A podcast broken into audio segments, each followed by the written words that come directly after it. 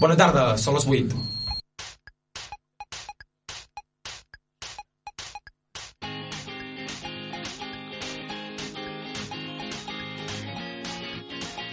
Al vespre, amb Jordi de Planer. Ha arrencat ha arrencat la cursa per les europees i després de quatre dies de mítings avui ha arribat el primer gran titular. Jean-Claude Juncker, exprimer ministre de Luxemburg i candidat del Partit Popular Europeu a presidir la Comissió Europea, està 100% d'acord amb el que defensa Rajoy respecte al procés sobiranista català. El cap de llista conservador considera que si una província s'independitza d'un altre estat, ni serà dins la Unió Europea ni formarà part del marc monetari únic, és a dir, de l'euro. Avui Juncker ha donat l'esquena definitivament al poble de Catalunya a l'afirmar que subscriu al peu de la lletra la posició del govern espanyol respecte a la consulta, però sobretot ha donat l'esquena als ideals que defineixen Europa. Les declaracions de Juncker deixen clar que avui el projecte europeu encara és un negoci dels estats i demostren la necessitat de convertir la Unió en una organització capaç de respectar els pobles i les nacions, siguin o no administrativament acceptades. No cal oblidar, però, en quin context Juncker ha pronunciat aquestes paraules. En un esmorzar a Madrid, al costat del president espanyol i davant les elites polítiques i econòmiques madrilenyes, i a més a més, al vell mig d'una campanya electoral. L'equip del candidat del Partit Popular Europeu sap que a Espanya la seva marca és el PP i que, per tant, ha de subscriure el discurs d'aquest partit, especialment pel que fa al procés sobiranista català. A les eleccions europees voten els més cafeters, els militants i simpatitzants més fidels, i el PP això vol dir també els més conservadors. Els més conservadors en matèria social, sí, però també en matèria territorial. I Juncker sap perfectament, com Arias Cañete, que tot aquest perfil de votants s'encega quan li alcen la roja igualda i li repeteixen l'article 2 de la Constitució. Per tant, l'actitud del candidat a presidir la Comissió Europea és comprensible des d'un punt de vista electoral, perquè Espanya no es vota Juncker, es vota PP. Ara bé, l'escenari polític per Europa és, una veritable, és un veritable tauler d'escacs i resulta que entre els peons dels conservadors hi ha Unió Democràtica de Catalunya. Els democristians aniran a Estrasburg a la mateixa família que el PP, la del Partit Popular Europeu, i donaran suport a Juncker a l'hora d'escollir el màxim responsable de la comissió. I aquestes declaracions poden ser un mal de cap per Convergència en un moment en què es disputa amb Esquerra l'elector sobiranista. Tot i això, no ens enganyem. Abans que Juncker parlés avui a Madrid, tothom sabia amb qui anava a Unió a l'Europarlament i quines posicions té, tenia, té i tindrà la seva família europea. Això d'avui simplement pot ser un recordatori als electors, un amarg recordatori per a ells i potser també per als nacionalistes. Són les 8 i 3 minuts, comencem al vespre.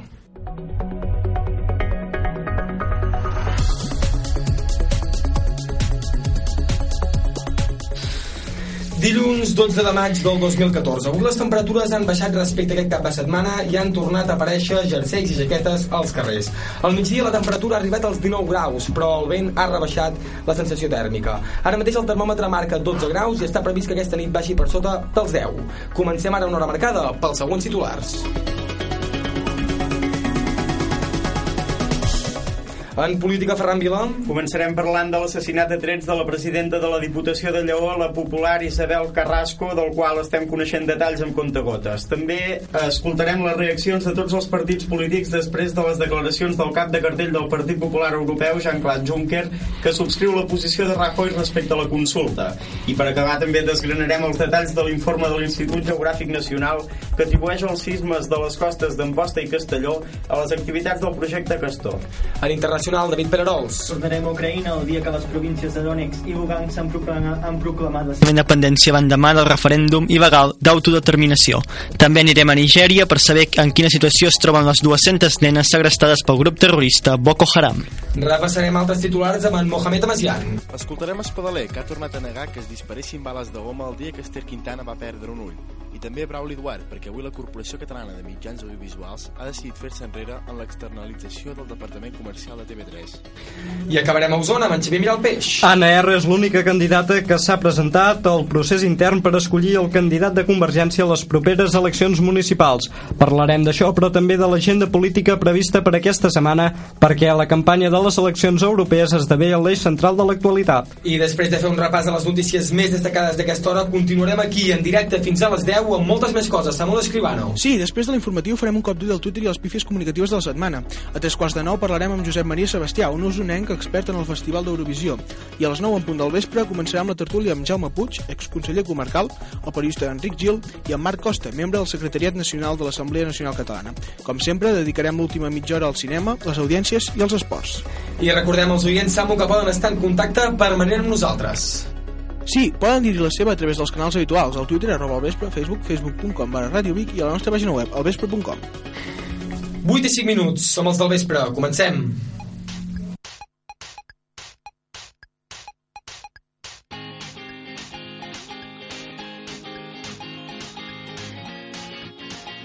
Al vespre, amb Jordi de Planer. I obrim l'informatiu amb una notícia terrible, colpidora, que hem conegut fa poc més d'una hora. La presidenta de la Diputació de Lleó, Isabel Carrasco, ha mort aquesta tarda en ser tirotejada als voltants de casa seva, al passeig de la Comtessa de Lleó, segons ha informat l'agència EFE de fons de la policia local. Testimonis presencials han explicat que cap a les 5 de la tarda la presumpta agressora ha disparat tres vegades a Carrasco, també presidenta del PP a la província de Lleó, que es trobava a la passarel·la sobre el riu Bersanga a l'altura del centre de salut La Comtessa. Efectius de la Policia Nacional i local s'han desplaçat ràpidament al lloc dels fets i haurien aconseguit detenir la dona que ha disparat. També s'hi ha desplaçat una, una UBI mòbil i com a resposta el PP, que via Twitter ha expressat la seva consternació, ha anunciat que suspenia tots els actes previstos per avui. A banda del PP, el PSC, el PSOE i Izquierda Unida han suspès també tots els actes de campanya que tenien previstos per avui. I a més a més, ara mateix Mariano Rajoy ha fet un tuit en què diu consternado por el asesinato de Isabel Carrasco, mi pesar y apoyo a su familia y compañeros. Es momento de estar unidos. Bé, eh, fa molt poca estona que s'ha conegut la notícia, en aquests moments eh, les eh, informacions en alguns casos són contradictòries, però eh, estem en condicions ja de dibuixar un cert relat dels esdeveniments.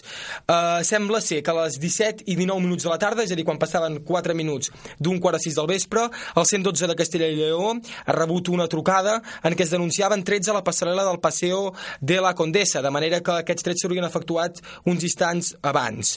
Al voltant de dos quarts de set ha transcendit la notícia, però després d'aquests eh, trets, segons sembla, eh, s'hauria iniciat una persecució. Eh, D'entrada, segons Europa Press, tres persones s'haurien acostat a la eh, víctima i una de les quals hauria disparat. Posteriorment haurien fugit amb un vehicle i, com dèiem, s'hauria iniciat una persecució entre aquest vehicle i la policia local. El cotxe finalment s'hauria aturat a davant d'Hisenda. Eh, llavors s'haurien detingut dues persones, una mare i una filla. I sembla ser, segons informa en aquest cas el diari de León, que aquesta mare hauria estat acomiadada ahir de la Diputació de Lleó, de la qual, recordem Carrasco era presidenta. Per tant, això fa pensar a la policia que els motius de l'assassinat no serien polítics, sinó de venjança personal. I ara fa aproximadament un quart d'hora, a les 19 i 53 minuts, el cos d'Isabel Carrasco ha estat retirat de la passarel·la on ha estat eh, tirotejat, recordem-ho, eh, aproximadament al voltant d'un quart de sis de la tarda. L'Ajuntament de Lleó ha convocat un ple extraordinari per eh, les 8 del vespre, que per tant ha començat fa molt pocs minuts, i està previst que organitzi 3 dies de dol. Fem ara un repàs al perfil d'Isabel Carrasco. Si era una dona de caràcter. Isabel Carrasco va ser la primera dona a presidir el Partit Popular i la Diputació de Lleó i va ser consellera d'Economia i Hisenda de la Junta de Castella i Lleó entre 1995 i 2003. Nascuda a Campo i Sant Ibáñez, un petit nucli del poble lleonès de Quadros, el 1987 va ser nomenada delegada territorial de la Junta de la província de Lleó pel president de la comunitat del moment, José María Aznar. Després del pas pel govern regional, va dedicar-se a la seva feina com a inspectora d'Hisenda fins al 2007, quan va ser designada senadora per Lleó, càrrec que combinava amb el de regidora del seu municipi natal. Actualment era regidora de l'Ajuntament de Lleó i presidenta de la Diputació Provincial, i també ocupava la presidència del PP a la província des del 2004. Carrasco ha estat coneguda pel seu fort caràcter que li ha generat alguns desencontres amb membres d'altres formacions i també del seu propi partit. A mesura que transcendeixin eh, més detalls sobre el cas, més informació, altres reaccions dels de, polítics, que recordem estan al mig de la campanya per les eleccions europees, n'anirem informant.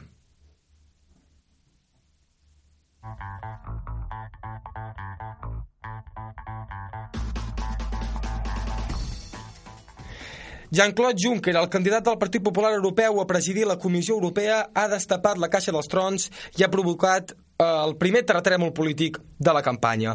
L'exprimer ministre de Luxemburg s'ha alineat amb Rajoy i ha afirmat que ni contempla una consulta a Catalunya ni creu que un hipotètic estat català formés part de la Unió Europea o l'euro. Aviso la gent que pensa que de cop i volta, donant la independència a una província, en pot sortir un estat europeu integrat a la Unió Europea o a la Unió Monetària. Jo, sobre aquesta qüestió, estic 100% d'acord amb l'opinió de Rajoy. Juncker és el candidat escollit pel Partit Popular Europeu per substituir Durao Barroso al capdavant de la comissió. La família dels populars europeus no només inclou el PP. Unió Democràtica de Catalunya també forma part d'aquest grup a Estrasburg i les declaracions del seu cap de llista han aixecat una gran polseguera al vell mig d'una campanya en què el procés sobiranista hi té un paper molt destacat. Ferran Vila, posem en context les declaracions del cap de cartell conservador. Sí, Jean-Claude Juncker, ex-primer ministre de Luxemburg i candidat del PP europeu des del Congrés Continental del Partit al Març, ha fet aquestes declaracions en un esmorzar a Madrid. Juncker és avui de visita a la capital de l'Estat i ha volgut dedicar el matí a compartir impressions amb els empresaris propers al Partit Popular espanyol. A l'acte també hi ha assistit el president Mariano Rajoy, que posa al mateix sac els partits populistes i els independentistes. Segons el cap de l'executiu, tant demagog és donar la culpa de tot a Europa com donar-la a Espanya i creu que els separatistes no estimen el vell continent perquè, segons ell, marxant de l'estat espanyol, marxarien de la Unió. A més, Rajoy fa aquesta advertència. El Parlamento Europeo necesita más que nunca fuerzas políticas europeístas. De lo contrario, los populismos, los eurófobos o las fuerzas políticas disgregadoras pondrían en peligro la salida de la crisis. El seu candidat a presidir la Comissió Europea, que com dèiem és el mateix que Unió, ha parlat després que Rajoy i ha dit que comparteixen ideari. A més, Juncker ha assegurat que la Constitució s'imposa igual als catalans i als espanyols i ha advertit del risc que una Catalunya independent quedi fora de la Unió Europea. Deixa ben clar, doncs, que Rajoy marca el full de ruta pel que fa a Catalunya. I a partir d'aquí, terra bastall polític. Cap dels partits esperava un posicionament tan clar de Juncker respecte al procés sobiranista i des de la federació es confiava que el candidat conservador conservador parlés de manera més ambigua, de manera que fos més fàcil apel·lar al pragmatisme de la Unió pel que fa als processos d'independència. Malgrat les paraules de Juncker, Unió no es planteja deixar la família del Partit Popular Europeu. Ans al contrari, Francesc Gambús considera que és més necessari que mai que hi siguin. El candidat d'Unió a les Europees ha girat l'anàlisi de les declaracions de Juncker i s'ho ha fet venir bé per defensar la necessitat que un partit sobiranista formi part d'un grup que suposa el procés. Gambús diu que defensaran la veu del catalanisme. Escoltant el, el candidat Juncker, un pren més consciència encara de que és imprescindible que una veu catalanista estigui present dintre del grup del Partit Popular Europeu per explicar des de Catalunya i en favor de la consulta i en favor del dret a decidir el que està passant en el nostre país. En un moment en què Convergència i Esquerra es disputen l'elector sobiranista, les declaracions de Juncker han set una, guerra, una gerra d'aigua freda per la federació, que malgrat tot treu pit. Després de Gambús ha parlat Tremosa, Ferran. Sí, el candidat convergent a Estrasburg ha subscrit les paraules del cap de llista d'Unió i ha dit aquest migdia en una roda de premsa organitzada per l'Agència Catalana de Notícies que és bo que hi hagi una veu catalanista al grup del PP. Tremosa ha posat en dubte també que el plantejament dels populars espanyols sigui majoritari a la seva família europea. És interès estratègic que un diputat d'Unió estigui dient el contrari que el PP espanyol en el grup popular europeu. És que ens interessa que en aquest que pot ser el primer gran grup tenir-hi una veu allà. Perquè no només escolti la veu del PP espanyol, que m'agradarà veure si té majoria en aquest plantejament o no. A més, Tremosa ha promès, jugant-se la seva credibilitat política, que Unió i Convergència sempre votaran el mateix en totes les qüestions relacionades amb el dret a decidir. El candidat nacionalista també ha aprofitat per contestar a Juncker i ha assegurat que Escòcia seguirà formant part de la Unió Europea si guanya el sí al referèndum, igual que Catalunya. Tremosa també ha aprofitat l'ocasió per dir que ell votarà sí sí a la consulta i així deixar clar que ell és independentista. Jo sí, sí, convido els diputats catalans, els eurodiputats catalans candidats, també a donar informació transparent de què votaran el 9 de novembre. El dia següent no hi ha la declaració d'independència. Prendrem un, dos, tres anys els que calguin per negociar amb la comunitat internacional i amb la Unió Europea el reconeixement del fet democràtic, del mandat democràtic dels catalans per un nou estat i nosaltres no farem decisions eh, precipitades, sinó que volem previsibilitat, volem eh, fer les coses bé I la resta de partits no han tardat a respondre a les declaracions de Juncker i a posicionar-se de nou al voltant del procés sobiranista. Josep Maria Terricabres, el candidat d'Esquerra, ha forgat en la llaga de la federació i ha dit que sí ho té un problema, Ferran. Si els republicans aprofiten la complicada posició d'Unió per erigir-se com l'única força nítidament independentista. El seu candidat ha dit en un acte a Madrid que és sorprenent que Duran i Gambús votin a Juncker. Es sorprendente lo que dice el señor Juncker con tanta convicción porque es a quien vota el señor Durán Lleida y su candidato, lo cual, claro, yo pienso que puede crear un problema a su coalición, no a la mía. ¿eh? L'altre partit, Pro Consulta Iniciativa, també ha demanat a Unió que s'aclareixi. Ernest Urtasun, el candidat dels ecosocialistes, ha recordat que Juncker és el cap de cartell dels democristians a Europa. Jo lamento aquestes declaracions i vull recordar que Junckers no és només el candidat del Partit Popular a president de la Comissió Europea, també és el candidat d'Unió Democràtica. Per tant, m'agradaria també que Unió Democràtica valorés aquestes declaracions. Hurtasun ha fet aquestes declaracions a la Universitat Autònoma en un acte conjunt amb el número 7 de la seva llista, el germà del càmera mort a l'Iraq, Javier Couso. Malgrat que Iniciativa està centrant la campanya a parlar dels drets socials més que no pas del procés sobiranista, el partit de Joan Herrera va fer els deures ahir quan la candidata europea dels Verds, Ska Keller, va dir als mitjans que creu que Catalunya es mantindrà dins de la Unió si finalment s'independitza. Un mes enrere, Keller ja havia defensat la consulta. Mentrestant, el PSC demana diàleg. Sí, creu que la posició de Martin Martin Schulz és antagònica a la de Juncker perquè està oberta a parlar de reformes que resolguin el problema català. Ho ha dit aquesta tarda la número 2 de la candidatura socialista, Esther Niubó.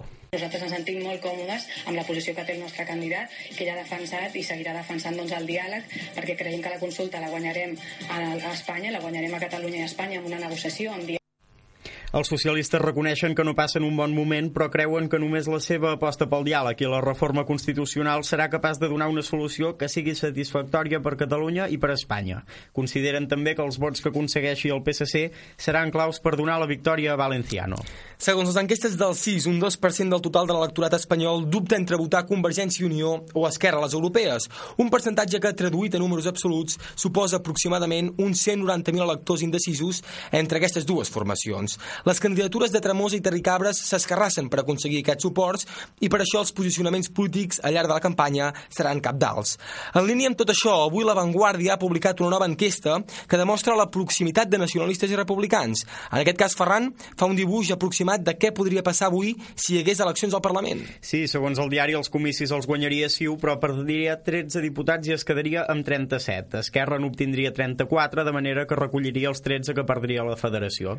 El PSC i el PP, mentrestant, continuen en caiguda lliure i, segons el sondeig, es quedarien empatats a 16 escons. Ciutadans en guanyaria 6 i pujaria fins al 15, mentre que Iniciativa en perdria un i recularia fins als 11. La CUP doblaria diputats. I l'enquesta també pronostica el resultat de la consulta. Sí, en aquest cas l'independentisme seguiria sent l'opció majoritària amb un 43% del, dels vots. El 35% dels electors, en canvi, optaria per la papereta del no, mentre que el sí no, l'opció de la tercera via, es quedaria només amb el 8% dels vots. Els indecisos suposen un 13% del total, de manera que poden ser claus a l'hora de decantar la balança de manera definitiva.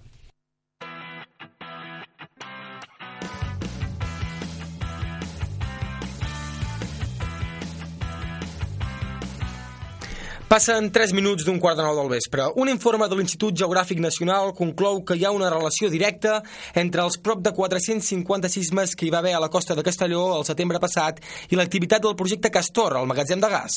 L'estudi també revela l'existència d'una falla fins ara no identificada i que, per tant, no es va tenir en compte en l'informe de sismicitat induïda per determinar la perillositat del projecte. Si es té en consideració la propensió sísmica de la zona, tot indica, segons l'informe, que la injecció de gas del projecte Castor hauria accelerat, literalment diu, el procés sismetotòcnic que una acumulació d'esforços. De manera que, segons l'estudi, aquesta falla no cartografiada seria la responsable dels prop de 600 terratrèmols de la zona d'Amposta. L'informe de l'Institut Geogràfic Nacional explica que va començar a fer un seguiment especial a causa de l'increment diari de l'activitat sísmica al golf de València a uns 20 quilòmetres de la costa davant de Vinaròs a partir del 5 de setembre de 2013.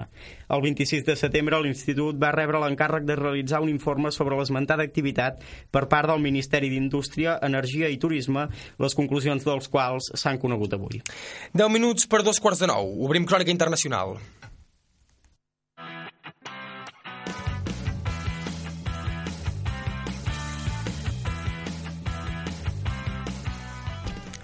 Donetsk i Lugansk, les províncies més orientals d'Ucraïna, segueixen l'estela de Crimea i s'escapen definitivament del control de Kiev.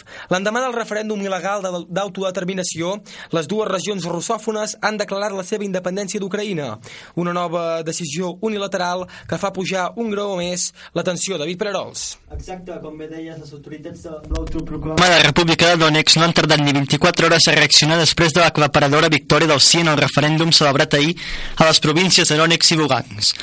La consulta qualificada d'il·legal per la majoria de la comunitat internacional i pel govern de Kiev va comptar amb un 50 i un 90% de la participació respectivament i amb dues regions el sí i la independència va guanyar per més d'un 90% dels vots. Tot segons dades dels mateixos prorussos. Com a conseqüència del resultat del referèndum, avui les autoritats rebels de Donetsk han declarat la seva independència de Kiev i poques hores més tard les de Lugansk han fet el mateix.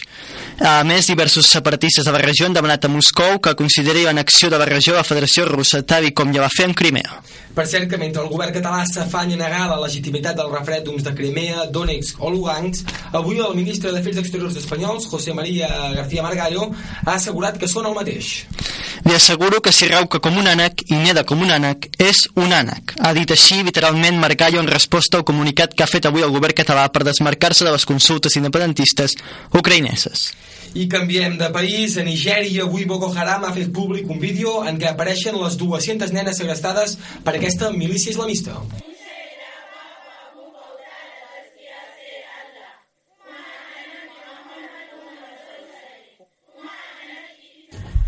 En el vídeo les noies apareixen resant i dirigint-se directament a la càmera per explicar que estan bé i que confien en el seu únic Déu, Alà. El líder del grup terrorista, Abu Bakr Chekau, apareix a l'inici del vídeo i reclama, a canvi de la lliberació de les noies, la posada en llibertat d'alguns terroristes empresonats.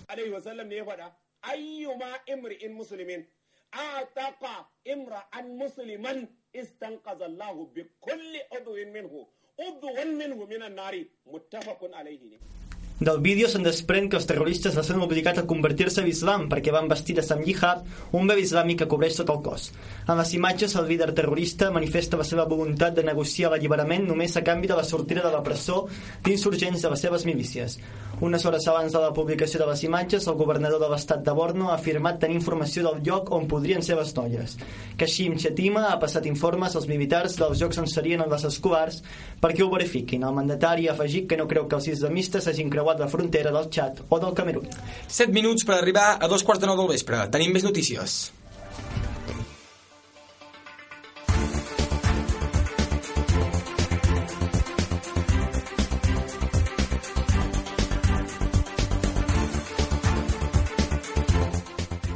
El conseller d'Interior, Ramon Espadaler, ratifica el seu suport al director dels Mossos i reitera que no es van disparar pilotes de goma el dia que Esther Quintana va perdre un ull. Espadaler contradiu les darreres versions del seu antecessor en el càrrec, Felip Puig, i considera que l'única veritat del que va passar aquell dia se sabrà quan hi hagi sentència ferma sobre el cas. Per això manté la seva confiança en Manel Prat i reitera que la darrera interlocutòria del jutge està basada en indicis i no en fets provats. La Corporació Catalana de Mitjans Audiovisuals es fa enrere i anuncia que no externalitzarà el Departament Comercial de TV3. Així ho ha decidit el Consell de Govern de la Corporació Catalana de Mitjans Audiovisuals en una reunió convocada d'urgència per aquest dilluns, dos dies abans de les reunions habituals de la direcció de l'ENS. El concurs, que s'ha declarat desert, s'havien presentat al grup Godó, que partia com a favorit, i Zeta. La, la possible la possibilitat perdó d'externalitzar aquest servei havia estat durament criticada pels treballadors de la televisió pública, així com també per la majoria de formacions polítiques del Parlament. L'economia catalana creix un 0,4% al primer trimestre del 2014 i ja en suma 4 en positiu. Els primers 3 mesos del 2014 l'economia va créixer un 0,4% i va registrar un creixement interanual del 0,8%, segons l'estimació de dades d'abans que elaboren conjuntament l'IDESCAT i el Departament d'Economia i Coneixement. D'aquesta manera, el PIB català suma 4 trimestres consecutius en verd en pes, especialment pel sector serveis, que registra un creixement interanual de l'1,4%. 8 i 25 minuts. Acotem la mira a Osona de la mà d'en Xavier Miralpeix.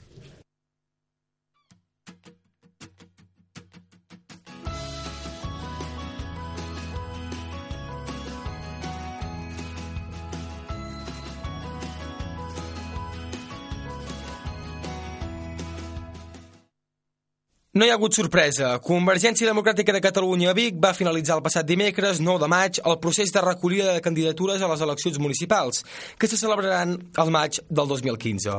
Només hi ha hagut una candidatura, la d'Anna R, actual primer tinent d'alcalde i regidora d'Educació, Comerç i Turisme a l'Ajuntament, i per tant, els convergents ja tenen definida la seva número 1.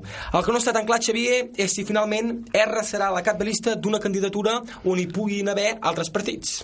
No, però de moment l'executiva de la selecció local analitzarà aquest vespre a partir de dos quarts de nou el projecte presentat per R i proposarà la seva elecció als militants en una assemblea que està prevista que se celebri el 28 de maig. Ells seran, en última instància, els qui ratificaran la candidatura. En principi, si no hi ha cap canvi d'última hora, tot apunta que aquest darrer escull serà un mer tràmit i R serà escollida cap de llista de Convergència Democràtica. L'elecció d'R, però, no significa que es converteixi automàticament en la cap de llista de Convergència i Unió Vic. Aquest darrer pas és més complex i no està clar que s'arribi a fer efectiu. Exacte, Jordi. De fet, eh, des de l'any 1995 l'alcaldable de Siu a Vic ha estat d'Unió i el candidat de Convergència ha ocupat el segon lloc, tal com estableix un pacte global d'abast nacional de la federació. Aquesta vegada, però, els convergents han fet públic pública la seva intenció que en aquestes eleccions el candidat sigui del seu partit, tal com va explicar fa unes setmanes en aquest programa el president de Convergència Osona, Joan Vergés, i tal i com ha ratificat en diverses ocasions el mateix president de la secció local, Lluís Coromines. Però l'actual tenent d'alcalde, president d'Unió Osona i home fort del partit, Josep Arimany, ha deixat entreveure en més d'una ocasió la seva voluntat de no renunciar al número 1 i, de fet, fa un parell de mesos feia unes declaracions al Canal Taronja en què reclamava el dret d'Unió a pronunciar-se sobre el tema. Jo ajudaré al senyor ANR el que sigui, però hi ha un pacte de federació. I aquest pacte de federació és quan es reuneixen Convergència i Unió, quan es reuneixen les, doncs, les agrupacions locals de Convergència d'aquí i, la, i, i Unió Democràtica i decidiran qui pot ser el, el millor candidat. Els partits són organitzacions i, i en un moment determinat s'ha de decidir qui Vic, jo crec que s'ha de decidir Vic, però les agrupacions, jo crec que Unió tenim que dir alguna cosa, no, també, en, en tota aquesta qüestió. De moment solament està parlant sí, Convergència sí, sí, sí. Eh, m'entens? Per tant, Unió, jo estic molt... És un tema que no en parlo mai, però, però també Unió, mentre siguem coalició, també tenim alguna de dir. Arimany, que és l'únic regidor d'Unió que queda al consistori, també deixava caure la possibilitat que la negociació entre els dos partits de la federació permetés compensar la renúncia al número 1 de la llista Vic amb una, millora, amb una millor posició dels candidats democristians en altres candidatures. Però després hi ha un marc de federació. Els partits hi ha uns consells nacionals, hi ha, hi ha tota una sèrie, hi ha uns contractes de federació, hi ha molts organismes polítics que s'ha de decidir, les diputacions de Lleida, de Tarragona, qui, qui la té de capçalar, i amb tot aquest encaix s'ha de veure qui, qui és el que, que encapçalarà doncs, aquesta, aquesta alcaldia. La situació s'ha acabat d'endarrerir una mixa més amb l'anunci d'una candidatura unificada entre Reagrupament i el Moviment Demòcrata Català, la plataforma que impulsa l'alcalde Josep Maria Vila de Badal, que estaria encapçalada per Ima Bellafont i Xavier Ferrés, actual regidor de Siu a l'Ajuntament de Vic. Cal recordar que la candidatura d'Anna R havia estat en un principi una aposta personal del propi alcalde. Ara, però, el suport de Vila de Badal a una altra candidatura impulsada des del seu moviment ha sorprès a les files convergents on es veu com a una incongruència que des de dins del grup municipal de Convergència s'opti per una proposta externa. Dos minuts per arribar a dos quarts de nou del vespre i encara en clau de política bigatana hi va morir Antoni Maria Sadurní, el primer alcalde del Vic Democràtic. Sadurní va ser alcalde de Vic entre 1975 i 1979, en el període de transició del franquisme cap a l'etapa democràtica. Entre 1964 i 1969 i entre 1973 i 1975 ja havia estat a l'Ajuntament com a regidor. En aquesta última etapa, concretament, va ser tinent d'alcalde d'Antoni Bach Roure, a qui acabaria substituint el capdavant de l'alcaldia. També havia destacat per la seva activitat com a pintor i havia presidit la Unió Esportiva de Vic i el Club Bàsquet Vic, ja que va ser un defensor de l'esport local com a element de vertebració de la ciutat. Callatenes no penjarà la bandera espanyola al balcó de l'Ajuntament. Així ho va anunciar aquest cap de setmana el seu alcalde, Marc Verdaguer, després de rebre la sentència ferma del jutjat contenciós administratiu número 10 de Barcelona, Xavier. Sí, Jordi, Callatenes és el primer municipi usonenc que ha rebut la sentència després de l'onada de denúncies que va posar la delegada del govern espanyol a Catalunya, Maria de los Llanos de Luna, Ajuntament de la comarca per no tenir la bandera espanyola onejant al balcó, tal i com estipula la llei de símbols i banderes. La resolució dicta que l'Ajuntament hi ha de col·locar abans del proper 7 de juliol, però el seu alcalde Marc Verdaguer de Convergència i Unió diu que no ho faran perquè no és la seva.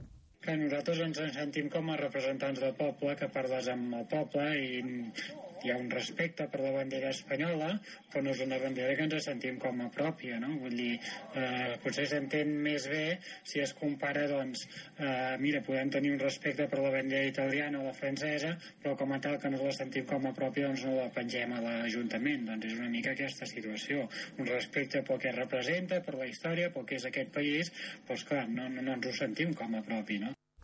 A partir del 7 de juliol, si la bandera no està penjada, l'Ajuntament rebrà una multa per cada dia que no hi sigui, cosa que pot fer replantejar la decisió del govern municipal. L'alcalde, però, espera poder presentar un recurs conjunt amb els altres 84 municipis de Catalunya que han rebut resolucions d'un mateix estil. Vic, Sant Julià, Sant Pere i Oló són els altres quatre municipis usonencs que també han estat denunciats per la delegació del govern espanyol. L'alcalde Josep Maria Vila de Badal, president de l'Associació de Municipis per la Independència, va dir en una carta als seus associats que col·loquessin la bandera espanyola al balcó si rebien una sentència ferma per evitar les conseqüències legals, però va demanar també que s'informés als ciutadans que es feia per imperatiu legal.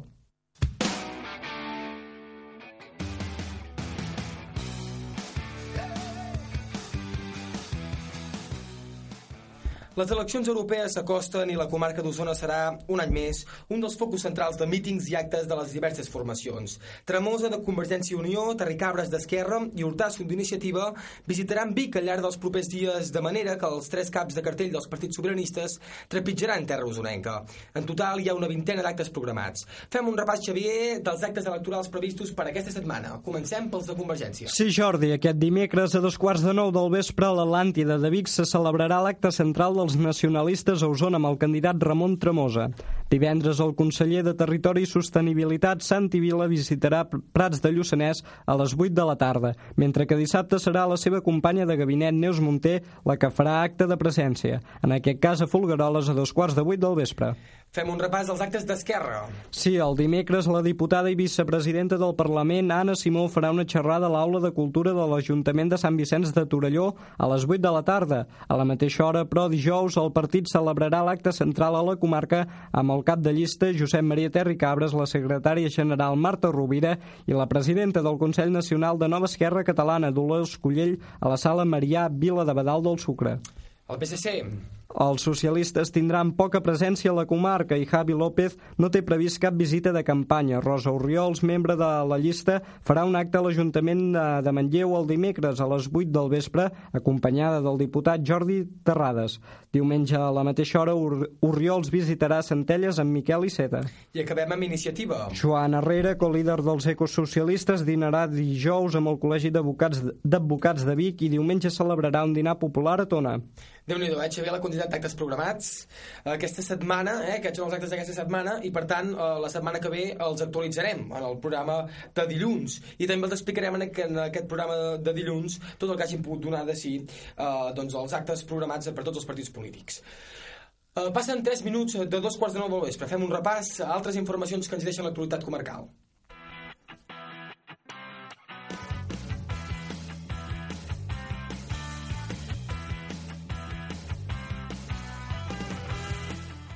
I acabem, com dèiem, amb informació de serveis, perquè aquest cap de setmana els túnels del Figaró han tornat a formar grans cues, ahir en sentit sud. Sí, fins a 8 quilòmetres de retencions van aguantar els conductors que ahir a la tarda baixaven cap a Barcelona. Les complicacions van començar al voltant de les 4 i de mica en mica van anar creixent fins a un màxim de 8 quilòmetres, des dels túnels fins a tocar d'aigua freda segons el Servei Català de Trànsit. Alguns dels conductors retinguts van optar per sortir a Tagamanent i fer servir d'alternativa a l'antic camí Ral fins a Figaró, que no està pavimentat. D'altres van entrar cap al centre de Figaró per saltar-se la variant que travessa el poble. Les cues es van formar per la reducció dels dos carrils habituals a un i en un moment de força trànsit per la tornada de vehicles cap a l'àrea metropolitana. Les restriccions per culpa de les obres s'allargaran cinc setmanes més. Xavier Vidal Peix, moltes gràcies. A tu, Jordi. Ens veiem després amb l'agenda. I tant. Passen 4 minuts de dos quarts de nou del vespre. Actualitzem la informació en referència a l'assassinat d'Isabel eh, Carrasco, la presidenta del PP a la província de Lleó i també de la Diputació Provincial d'aquesta mateixa regió.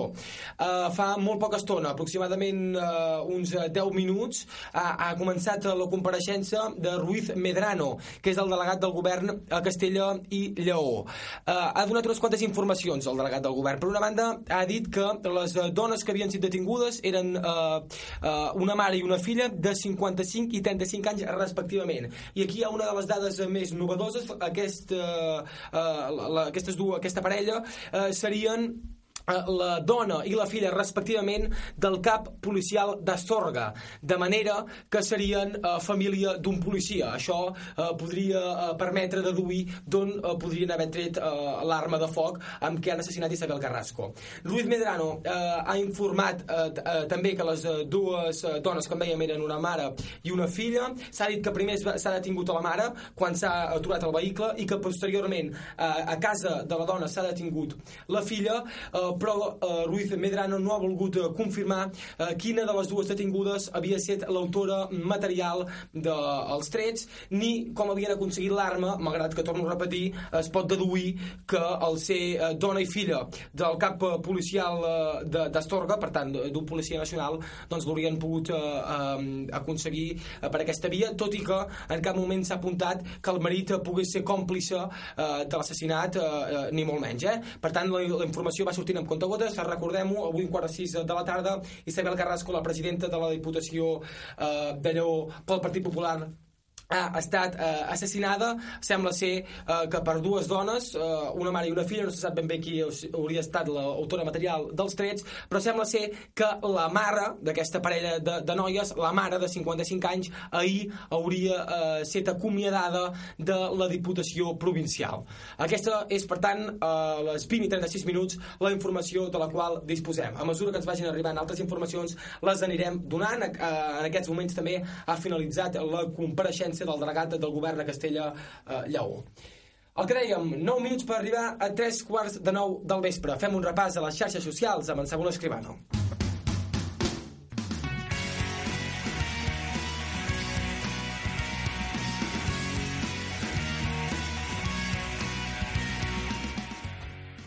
Samuel Escribano, bon vespre. Bona nit, Jordi, què tal? Déu-n'hi-do com tenim avui l'actualitat, mare de Déu. Sí, sí, entre una cosa i l'altra. Què?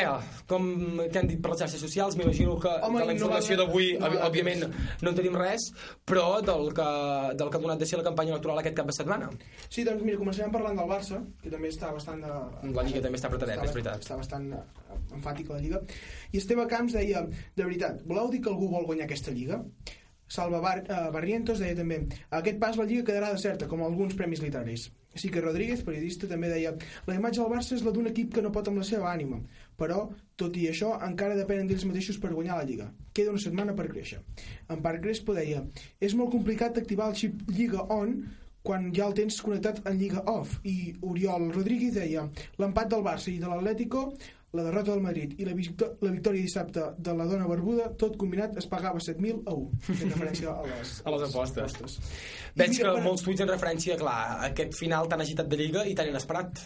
Sí, molt inesperat. I m'agradaria destacar l'últim tuit fent referència al segrest de les 200, 200 noies de, per pa, de Nigèria per part de Boko Haram i la, la... Avui hem tingut novetats, per cert, sí, ho hem comentat. La, sí, la, la, la Michelle Obama, la primera dama de, dels Estats Units, eh, deia en un tuit eh, que, que aquest tuit es va acabar fent molt, res, eh, va acabar fent molt ressò i va acabar eh, fent que tothom, molt, molta gent, comencés a penjar fotos amb un cartell eh, que deia Bring back our girls, que significa "Por- torneu les nostres noies, i bueno, el tuit deia les nostres pregàries estan amb les, amb les noies nigerianes segrestades i les seves famílies. És, és moment de tornar les nostres noies.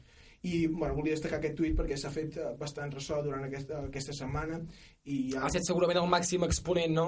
d'aquesta campanya que s'ha iniciat a través de les xarxes socials. Sí, no, ha estat el, diguéssim, l'encapçalament d'aquesta d'aquesta campanya i després moltes autoritats, molts polítics, eh, moltes institucions han, han acabat donant suport en aquesta, en aquesta causa. Demà és 13 de maig. Fem un repàs a què va passar tal dia. Com demà.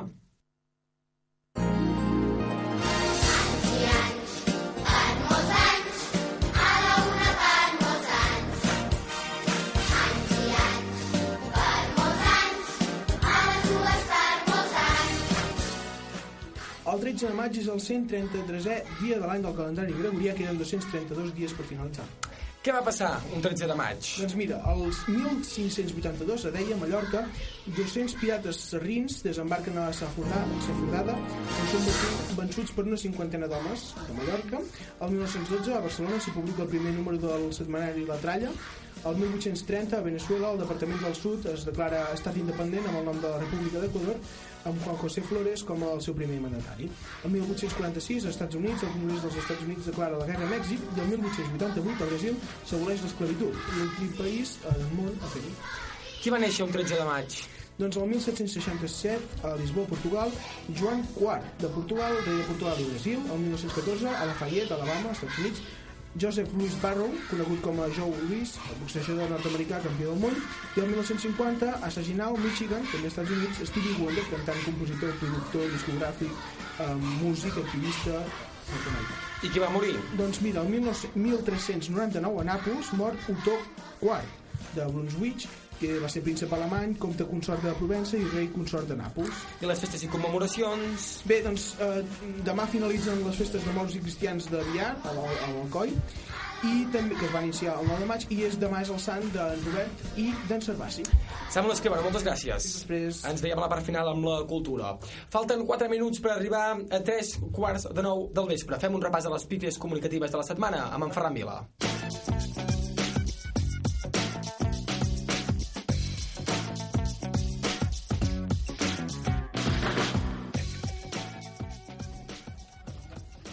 Ferran Vila, bon vespre. Hola, què tal? Què tal? Molt material aquesta setmana? Sempre, molt. Molt bé, estic molt content. Sí, home, sí. Doncs va, som-hi. Va, comencem. Comencem amb un fragment justament del nostre de programa, perquè mira que el nostre nom és prou explícit, però no, no hi ha manera. Encara hi ha gent que fins i tot ens diu bon dia, però de totes maneres, gràcies. La cap de cartell és l'antiga propietària de la tralla, Imma Vilafont, que ens acompanya en directe. Bon vespre, senyora Vilafont. Hola, bon dia, bona tarda, vaja. Bona tarda. Fa unes quantes setmanes es donava per fet... Sí, més aviat tarda, i quasi bé ja podríem dir nit, eh? A això em recorda el primer dia de programa, que l'Alba també va començar la seva secció dient, Dient bon, bon dia. dia. Sí, és veritat. Està bé. No, ja et dic, per la part del nom més explícits no ho podien No, ser. al vespre. Poder, com que la gent aquí dintre no ho veu, però clar, la vella font era per telèfon. Bé, en fi. No, Oh, però ella potser també estava a Poder l'orientador. estar en un lloc molt tancat i molt... Sí, sí, sí. Va, i ara em fa una especial il·lusió parlar del Josep Cuní, perquè aquest cop no és ell qui es queixa, sinó que és el seu interlocutor. I és clar, això, que no hi està acostumat, la veritat és que el deixa bastant tocat. El doctor Jaume Reventós, que no ha vingut a parlar d'això, però fa estona que va, que, que, que No, va no, jo- jo maquinant. escolto, jo escolto. Ja, ja, però Jo maquina. Què maquina, doctor? No, que em pregunto si les tertúlies sempre s'ha de, de, de cridar i Ah, no, això no, no. amb això d'aquí, no? No, no, no, jo crec no. que és un cas... Això és l'èmfasi que s'hi vol posar, una és la passió, de- la passió. vehemència. És, és, sí, la vehemència, no? No, bé, penso que és interessant reflexionar sobre això. Són coses, fets que, que a mi també em fa que ref- reflexionar i estar pensant una mica, no? I crec que coincideixo amb alguns dels punts de vista d'aquí. Però que havia cridat abans en, en Cuní. Tots. Estaven a la part de, de més magazine, que allà tothom és campi qui pugui. Amb el Marc Villanueva pel mig, bé, esclar. Fi, tot plegat un, un, un guirigall, que diríem. I ara passem de 8TV cap a TV3, concretament al programa divendres, per sentir l'embolic que es va fer al Xavi Coral a l'hora d'acomiadar-se. I la veritat és que ja n'hem parlat algun altre dia dels comiats d'aquest noi. Vull dir que últimament s'està tornant un expert en fer complicat allò que semblaria fàcil. Doncs aquí ho deixem avui. Moltes gràcies per haver-nos seguit una tarda més des de casa i moltes gràcies avui al nostre públic que són alumnes de l'Institut Pius i Riquer de Manresa. Ho he dit bé? No. Bueno, com, com és el nom exactament? No, ara estan tots mirant a la càmera. Res, que marxem. Adéu. Fins demà. Demà farem la tertúlia de la Riera, perquè demà per fi serà divendres. Que vagi bé. Adéu. Ell havia de dir un nom, va dir un nom d'un institut, no era el que tocava, els alumnes que hi havia estaven a la parra, no l'escoltaven, mm, tot plegat va, va ser una mica... Sí, això tens raó, que la setmana passada ja ho vam comentar, un dia que s'acomiadava, que deia, eh, abans del pont, deia Sí. demà serà divendres, di- però semblarà un di- però semblarà divendres... perquè, sí, és veritat. una mica, tot plegat una mica complicat. Això és el guionista, pobre. Això és el guionista que no li escriu prou bé. O li deixa lloc per la improvisació i això no, no és bo. I encara és pitjor. Encara és pitjor. I aquest cap de setmana ja ho saps que hi ha hagut el premi, el gran premi de Fórmula 1 a Montmeló, a Montmeló, l'altre dia en parlàvem. Doncs bé, quan van connectar-hi des del Telenotícies, el presentador dels esports, que és l'Àlex Castells, resulta que ja havia acabat quasi bé la crònica, ja havia fet mitja crònica. Jo no sé si és que se li havien encomanat les, pre les presses dels monoplaces. En tornada a la pausa veurem què ha donat de si al matí de competició de la Fórmula 1. Passarem pel circuit Barcelona-Catalunya, on avui hi ha hagut sessió de qualificació i novament exhibició de adjudicat la Mercedes. quarta pole position de la temporada i també sentirem després de la pausa les paraules Això, tenia pressa. Ja Tenia pressa. Es va, es va solapar amb el, amb el pellisser i va dir això, matem-ho ja, que hem Va, va, va passar molt això l'altre dia al circuit de Fórmula 1, que les coses eh, Sí. corrien molt, volaven molt, també hi havia una pancarta que deia en tu vot i també va desaparèixer va la pancarta. desaparèixer, va volar. Sí, vull dir que allà al Sí. circuit de, de Catalunya, en el Gran Premi d'Espanya, eh, que s'ha de fer incís en això, doncs van desaparèixer coses i es van anticipar esdeveniments. Sí, sí, efectivament. No sé si pels mateixos motius, però... però Jo diria que no, jo diria que en l'altre vessant hi havia un tema més polític. Segurament. I ara una lliçó magistral de com deixar anar un comentari breu, amb mala bava, però subtilment. Una comunió s'ha interposat en l'agenda mentre Pere Navarro feia temps esperant els dos protagonistes del matí. Uh, està bé, és una manera curiosa de començar una crònica. Una comunió s'ha interposat en l'agenda. Home, home, no el burxem, no el burxem. Ostres, és veritat. No, ell no en té cap culpa. Va ser una comunió, bé, i què? I es veu que això, que es va trobar una comunió al mig del carrer, clar, totes les càmeres allà, era la foto esperada. Era... I a TV3 no... I el pitjor és que no acabem estigmatitzant les pròpies comunions, també. Ara resultarà que no es podrà anar de comunió, sí, sí, sí. I això, i a TV3 no es van poder estar de posar-ho. Va, i ara comencem el que seria, diguéssim, l'apartat més internacional de la secció. Suposo que tots n'heu sentit a parlar i que després el Xavier Miralpeix ens en farà una valoració, però no em podia estar de recordar l'anglès macarrònic de la Carolina Casado, que va ser l'encarregada de donar la puntuació espanyola al Festival d'Eurovisió. I no és només una cosa de llengua, és que es fa un embolic, la pobra. Good evening, Carolina. May we have your top points, please? Buenas noches desde Madrid. Good evening, Europe. Kunet and Mark, and congratulations. Lots of kisses to the millions of Eurofans. Vamos a And ver now, aquí en Voto here España. are The results of the Suecia, Spanish. Austria. Good luck to you all. Vamos a ver. Eight points from Spain go to Vamos. That's No, no. suspense, Spain. Please uh, let us have your Ten top point- points. Yes, eight points from Spain go to Romania. Rumanía. Whipper. Bueno, nuestros amigos rumanos de España se van a poner contentísimos. Ai, coins. Jo crec que també està donant poca incidència a aquest comentari que faré el presentador. Vamos. De... No, però després de... Vamos, eh, nuestros compañeros eh, rumanos de España se van a poner Ah, contentísimos. sí, també és... Aquest ben comentari curiós. no el vaig entendre en directe. És ben curiós. Poder és que tots els romanos havien votat i per això havia, Ah, també havia pot ser. tingut els 8 points. És, Eh, però la pronuncia és, una co... és digna de marca Espanya, eh? és, és marca Espanya totalment, sí, sí. Després de l'Anna Botella ja quasi bé vindria aquesta. Però la representant de televisió espanyola no és l'única espanyola amb vocació europea, però de poca volada. Atenció a la candidata d'Unió en Progresso i Democràcia. Es veu que la societat catalana està mobilitzadeta, déu nhi Bon dia. Hola, què tal? Uh, per tant, és hora de preguntar-li a Teresa Jiménez Barbat, uh, candidata d'UPyD a aquestes eleccions europees, uh, si creu que la situació política, tot en general, farà que es mobilitzi més gent. Senyora Jiménez. Jo penso que, sobretot a la gent que pensen que si, si estan jugant alguna cosa, eh, segur que les mobilitzarà.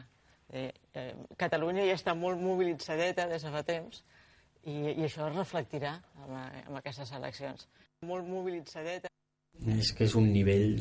Però és que tota l'entrevista, Tota tota, l'entrevista eh? era un totes les respostes, sí, sí. i també hauries pogut treure un clip, segur, eh? De, bo, no hauries pogut treure molts, però al final que li va dir uh, ha estat molt bona entrevista, jo em pensava que vostè era una senyora molt seriosa, i, Sí. i no, que al final no sabia no, no calia ben bé agafar-ho. Bueno, aquesta senyora, en fi uh, és allò que haver d'entrevistar segons qui els matins de TV3 trobo que déu nhi però en fi Uh, no tirem la tovallola, no tirem la tovallola perquè encara queda gent que de debò són europeistes i poden anar pel món. Uh, són catalans realment internacionals. I si no que li preguntin a aquest advocat barceloní que més es defineix com a separatista.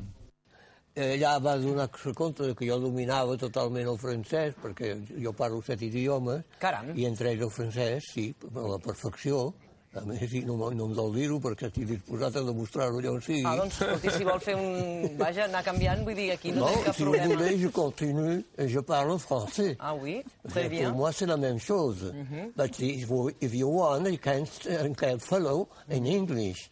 It's good, Other, it's good. Ich kann continue in German, in, in Deutsch. Fantastisch.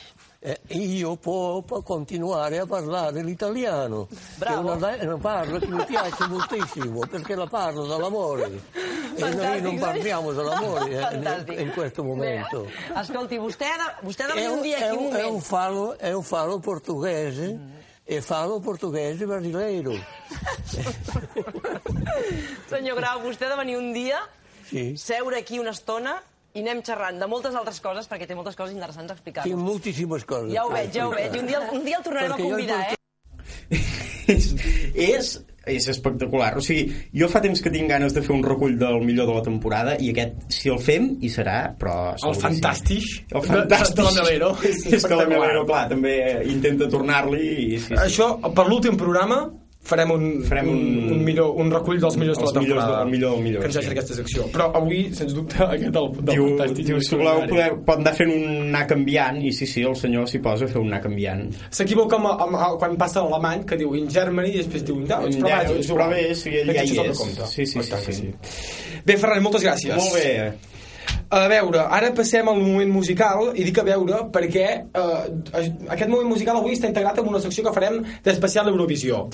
Per què? Doncs perquè Eurovisió eh, hi ha un fan incondicional que ha fet eh, del Festival d'Eurovisió una mica una part de la seva vida eh, com a hobby. Ell és un usonenc, eh, nascut per tant a la comarca d'Osona, però que ha dedicat eh, una part de la seva vida professional a analitzar el Festival d'Euro- d'Eurovisió. En parlarem ara de seguida amb ell i abans d'entrar a la secció escoltem la cançó Ride Like a Phoenix de la Conchita Wurst, la guanyadora d'aquesta edició. Fins ara mateix.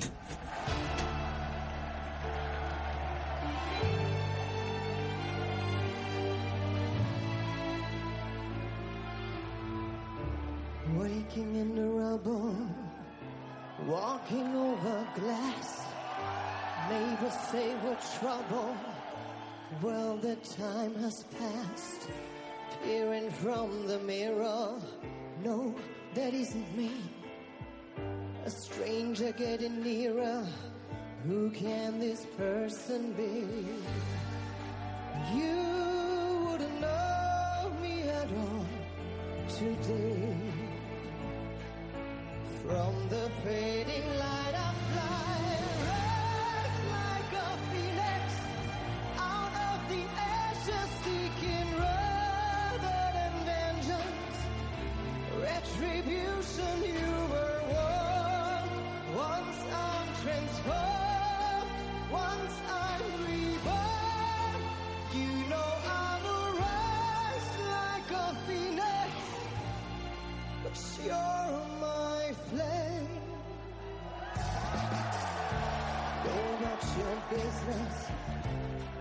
as if you're free. No one could have witnessed what you did to me. Cause you wouldn't know me today. And you have got to see to believe. From the fading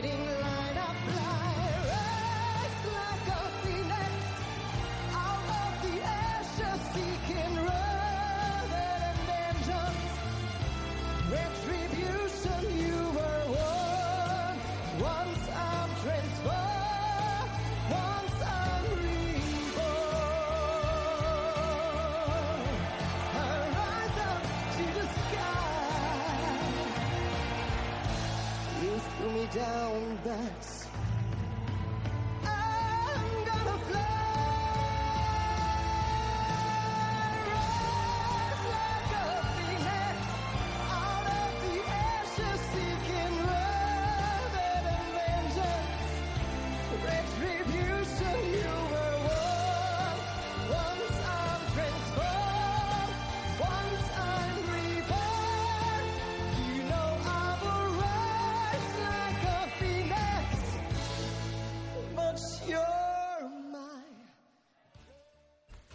6 minuts per arribar a les 9 del vespre. Un escenari espectacular, una de les millors edicions i una guanyadora, o guanyador, depèn com es vulgui mirar, barbut, en aquest cas, és el resultat del Festival d'Eurovisió 2014 celebrat aquest dissabte a Copenhagen, a Dinamarca. Àustria es va proclamar guanyadora de, amb Conchita Wurst i la seva cançó Rise Like a Phoenix amb un total de 290 punts, molt per davant d'Holanda i Suècia, segon i tercer classificats, respectivament. Espanya, amb Ruth Lorenzo, va quedar en desena posició, de manera que es va fer un lloc al top 10. Lorenzo va fer una molt bona interpretació cantant la balada Dancing in the Rain. Tant de bo la periodista Carolina Casado hagués estat a l'altura de Ruth Lorenzo a l'hora de donar els 8 points, eh, una frase que ja es farà cèlebre, a Romania. El seu anglès, digne de la marca Espanya, va esdevenir l'anècdota de la nit.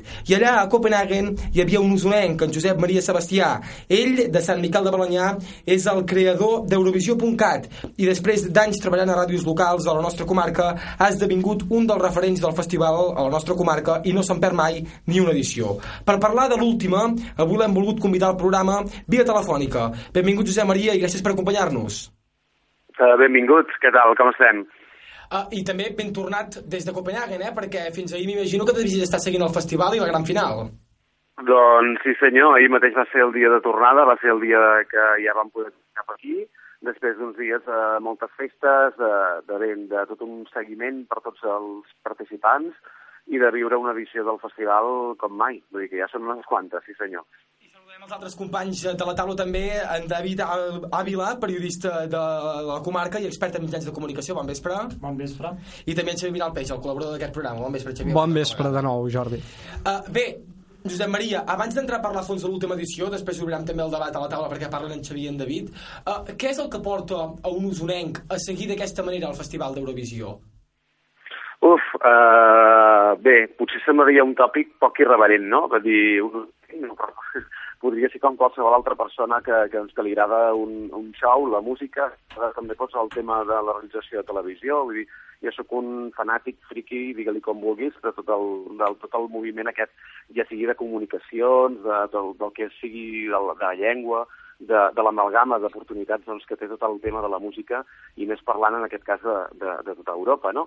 Vull dir, sí que és cert que a dia d'avui pot semblar que, que una cançó en anglès sigui igual a una austríaca que una anglesa, però potser fa 15 anys, quan jo vaig entrar, o més i tot, no recordo ara encara més aviat quin, quin any era el, el, el que vaig agafar el fil de tot plegat, però sí que el que em va cridar l'atenció és això, no? d'escoltar una cançó en hongarès, amb una cançó en austríac o, o en alemany, i esdevenir doncs, un, un, una, una possibilitat de poder doncs, descobrir aquests idiomes. A dia d'avui sí que és completament adaptable, ja sigui a través de les xarxes socials, de Spotify, d'altres plataformes que, evidentment, poden servir per poder descobrir tot això, no? Creus que hi ha un cert desinterès a Osona, i ja no només a Osona, eh? potser a tot el país, a Catalunya, al voltant del Festival d'Eurovisió? Te'n faries creus realment de, de tot el seguiment que es fa i de la gent que diu que no el veu, però realment el segueix i sap qui va i sap quins països participen i qui no. Uh, aquí entrem en un altre paral·lelisme del debat, possiblement, però i, i sí que és cert que, moltes vegades intentem titllar de, de l'esdeveniment com a friki, com a no, com a no desitjable, com, com, una cosa uh, que no és agradable o que realment no, no agrada, no? Potser aquest format està desfassat al nostre país, o potser que realment són les mateixes televisions, els mateixos ens públics que li donen un aire diferent del que realment hauria de tenir sí que és cert que si tu aquesta mateixa pregunta la fas amb un suec o la fas amb un austríac i no, i no necessàriament ha de ser una, un noi o noia, o sigui, senzillament tothom, fins a una persona gran, fins a un nen, el que sigui. És dels programes més seguits, i Eurovisió és una fita a aconseguir, i per qualsevol artista de cada país és un de les, els, esdeveniments que per ells més importants és, no? Possiblement Espanya o altres països que doncs, estem en decadència o, o estem travessant un desert que, que no, no desconeixem, doncs, eh, ens ho agafem d'una altra manera, no? Però i potser és, això el tòpic que sembla que, que un usonenc s'hagi perdut entremig de Copenhague. Uh, et mantenim en línia, Josep Maria. Obrim també el debat a la taula. D'entrada, així... clar, uh, uh, la imatge és impactant, mm -hmm. la, la de la guanyadora, o del guanyador, uh, uh, en aquest cas, una dona amb barba, o un mm -hmm. home vestit de dona i amb barba. Um, clar, hi ha molta gent, quan s'analitza el Festival d'Eurovisió d'enguany, que diu si aquesta persona ha guanyat el festival no és per la seva música, no és per la seva cançó, sinó per aquesta mm. fisonomia tan característica uh, que portava. Compartiu aquesta impressió? Bé, jo crec que el fet de, de ser una dona no, i portar barba, lògicament que, que li va donar un plus, sigui per criticar-la, sigui eh, des dels col·lectius aquests eh, per defensar-la, sigui pel que sigui. No? La veritat és que cridava molt la, la seva imatge a l'atenció. De fet, fins i tot quan vaig veure el videoclip pensava que era un, un tema del videoclip, no? que, que per eh, contextualitzar el videoclip anava amb barba, llavors vaig veure que no, que la, la, la portava sempre. Però sí que el que va passar ahir, per exemple, en un altre programa que, que faig, en una ràdio d'aquí a la comarca, vaig posar la guanyadora i un oient em comentava, diu, Ara que em centro molt més en la veu, perquè era ràdio, lògicament, i no estava pendent de, de la cara de la noia, em diu sí que és veritat que té una molt bona veu i que la cançó està bé. Personalment, que per mi hagués guanyat una altra, lògicament, vull dir, aquesta no és la que més m'acabava d'agradar, però sí que, igual que en el cas d'Espanya, que tampoc m'agradava ni les balades són el meu estil preferit, s'ha de reconèixer quan un cantant fa bé la seva feina, afina, té una potència de veu, i jo crec que aquest és el cas de, de la Conxita ja, ja coneguda. Clar, però, perdó, és que hi pot haver aquesta doble vessant. És a dir, mm -hmm. per una banda podem tenir una cantant que amb la barba mm, passa desapercebut tota la, tota la resta que pot tenir aquesta cantant, la potència de veu, com afina la música, i això pot ser positiu perquè eh, mm. potser això amaga que era pitjor que d'altres, o pot ser negatiu perquè acaba ocultant les qualitats eh, d'aquesta noia a l'hora a l'hora de, de projectar la seva veu. Home, jo crec que Eurovisió és un show, és un espectacle televisiu i és un espectacle musical, i la música... Eh, de fet, ella es va vendre així, amb barba. Però penso que és un molt bon tema i deixant de l'anècdota de que porta barba, sí que és veritat que, que el, te el tema sona bé, però potser no és del tot eurovisiu, no pot, de, com els temes que han guanyat anteriorment altres anys. Um, penso que, clar, ara és molt difícil fer aquestes conjectures de si no hagués portat barba hagués guanyat i si, i si no... Clar, això no ho sabem. Mm -hmm. uh, però penso que sí, que és un molt bon tema. També jo penso, uh, ho, ho comentàvem fora d'antena, penso que a Eurovisió hi predomina un cert tipus de col·lectiu que li agrada molt aquest, aquest festival i eh, també s'hi aboca molt a votar la gent del col·lectiu que també hi participa. Mm. Uh, penso que també hi pot haver afavorit que el col·lectiu homosexual també hi ha ajudat en la, en la victòria de la Conxita Wurst, que també s'ha convertit en una icona gay lèsbica. Mm. Jo, de totes maneres, recomanaria això, eh? la gent des de casa que torni a escoltar aquesta cançó, però sense veure el videoclip. Que se centrin només amb la veu, i llavors realment és quan veus que la seva veu val la pena. I que, Segur que tindrem oportunitat perquè sonarà i molt a la ràdio, l'hem posat, mm -hmm. però normalment el, el hit guanyador d'Eurovisió sempre acabes de una cançó. Tot i que són, són cançons que tenen sempre un punt potser com més dens, una música una mica més ràpida, no? i això és el que moltes vegades per això l'acaben posant a moltes ràdios musicals. Eh, clar, aquest tema és una mica més calmadet. Eh, bé, no sé si en Josep Maria aquí està l'experta, una mica d'acord o no. El que, el que estic d'acord amb vosaltres és eh, que possiblement eh, no ho descarto, no? Que, que el col·lectiu gay i homosexual pues, sigui un dels factors importants a tenir en compte per, per dominar això, no? Però també és cert que, que realment pues, amb, amb una persona gran, a una iaia, des de casa li podria agradar perfectament la cançó, com tu molt bé, tu Xavier, valoraves, i és el que jo valoro, eh? Vull dir que sense entrar en detalls de si realment hi havia un doble missatge amb la, amb la guanyadora, que estic convençut que hi era, i que aquí obre unes portes majoritàries en un país super tancat com podria ser Àustria, a unes noves fronteres i bé, en definitiva per una, per, una, per entendre millor realment els nous temps. Vull dir que, el, evidentment, tot canvia, la música canvia, però sí que és cert que s'han de tenir un bon parell per disfressar-se de dona, pujar dalt d'un escenari que tota Europa eh, et valori i a sobre cantar una cançó tan gran com la que va cantar. Vull dir que només pel fet de ser això ja realment es mereixia el triomf, personalment, eh? Vull dir, jo crec que, crec que això. A partir d'aquí, si se li vol pues, eh, encasillar en un, en, un, en un punt en concret per tenir una, una ampliació, en aquest cas, pel, de tot el, el, el que realment li aporta el festival, estic convençut no? pues que el col·lectiu, ja sigui el que sigui, pues, tindrà més afinitat per poder-lo seguir o no. però jo crec que tot això és al marge del que és Eurovisió, perquè Eurovisió no deixa de ser un concurs de cançons, i aquest concurs el, el mira tothom, vull dir, si no, les audiències d'Espanya manen. Anaves, de fet, abans eh, el, el, en Jordi, el, el company, t'ha preguntat si, si aquest concurs va a la baixa de la comarca d'Osona. No sé les, les audiències per franges per comarques, però sé que va tenir una grandíssima audiència a Televisió Espanyola. Que 46 de, de share. 46, I crec que Catalunya també va arrasar. Vull dir que crec que el Gran Dictat va ser una de les audiències més baixes de tota la temporada i penso que, que, que sí que els catalans tot i que no, tot i que no ens agradi dir-ho sí que ens agrada veure Eh, eh, és el que anava a dir. Eh, Això abans ho apuntava en Josep Maria, eh? Hi ha aquest factor de, de, d'oient ocult, podríem dir, eh? o d'espectador ocult, de persona que realment mira aquest, aquest eh, programa, mira aquest show, però llavors no ho vol dir perquè potser ha agafat un cert estigma de, de, de show friki. Bé, de fet, tant tu, David, eh, com jo som dos usonencs, no? I que bé que ens el van mirar i per no parlar ja del cas d'en Josep Maria que estava de Copenhagen vull dir que, que sí que hi ha gent no, que, que se'l mira, que el, que el segueix és un és evident que també la plataforma d'Eurovisió també serveix per molts cantants com a plataforma per donar-ho a conèixer. Vull dir, eh, en el cas de Lorenzo hi ha una cantant coneguda tant al Regne Unit com a Espanya no tant, però també li ha servit, en definitiva, per donar, per, per, perquè tothom, tots els espanyols sapiguessin realment qui és. Uh, això també és un factor molt important, jo crec que Eurovisió, vull dir, de fet, jo personalment crec que Eurovisió m'agrada per, per aquest punt. Vull dir, la música sempre m'ha agradat molt, descobrir noves cançons també, vull dir, i aquest també és un moment en el qual, doncs, jo què sé, uh, les llistes franceses, jo sé, m'agrada saber qui hi ha, qui és el número 1, si realment Eurovisió pues, trenca els esquemes i aquell personatge pues, es, po- és famós. Vull dir, eh, això bàsicament jo crec que és el fil, eh, per- en el meu cas, eh, vull dir, que ara em segueix a, a tirar pel tema d'Eurovisió i descobrir realment la música europea. Sí? Oh, tant. Uh,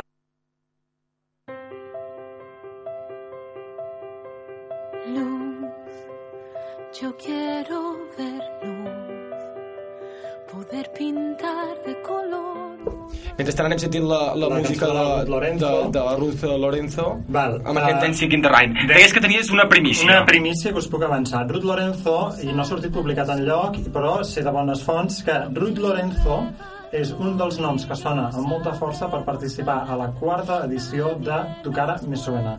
És un dels noms que, que la productora vol lligar de cara a la quarta temporada que podria començar a mitjans de novembre, perquè abans començaria a tocar més suena, a tocar Rita me suena. Per tant, escoltem aquesta veu Gets you every time.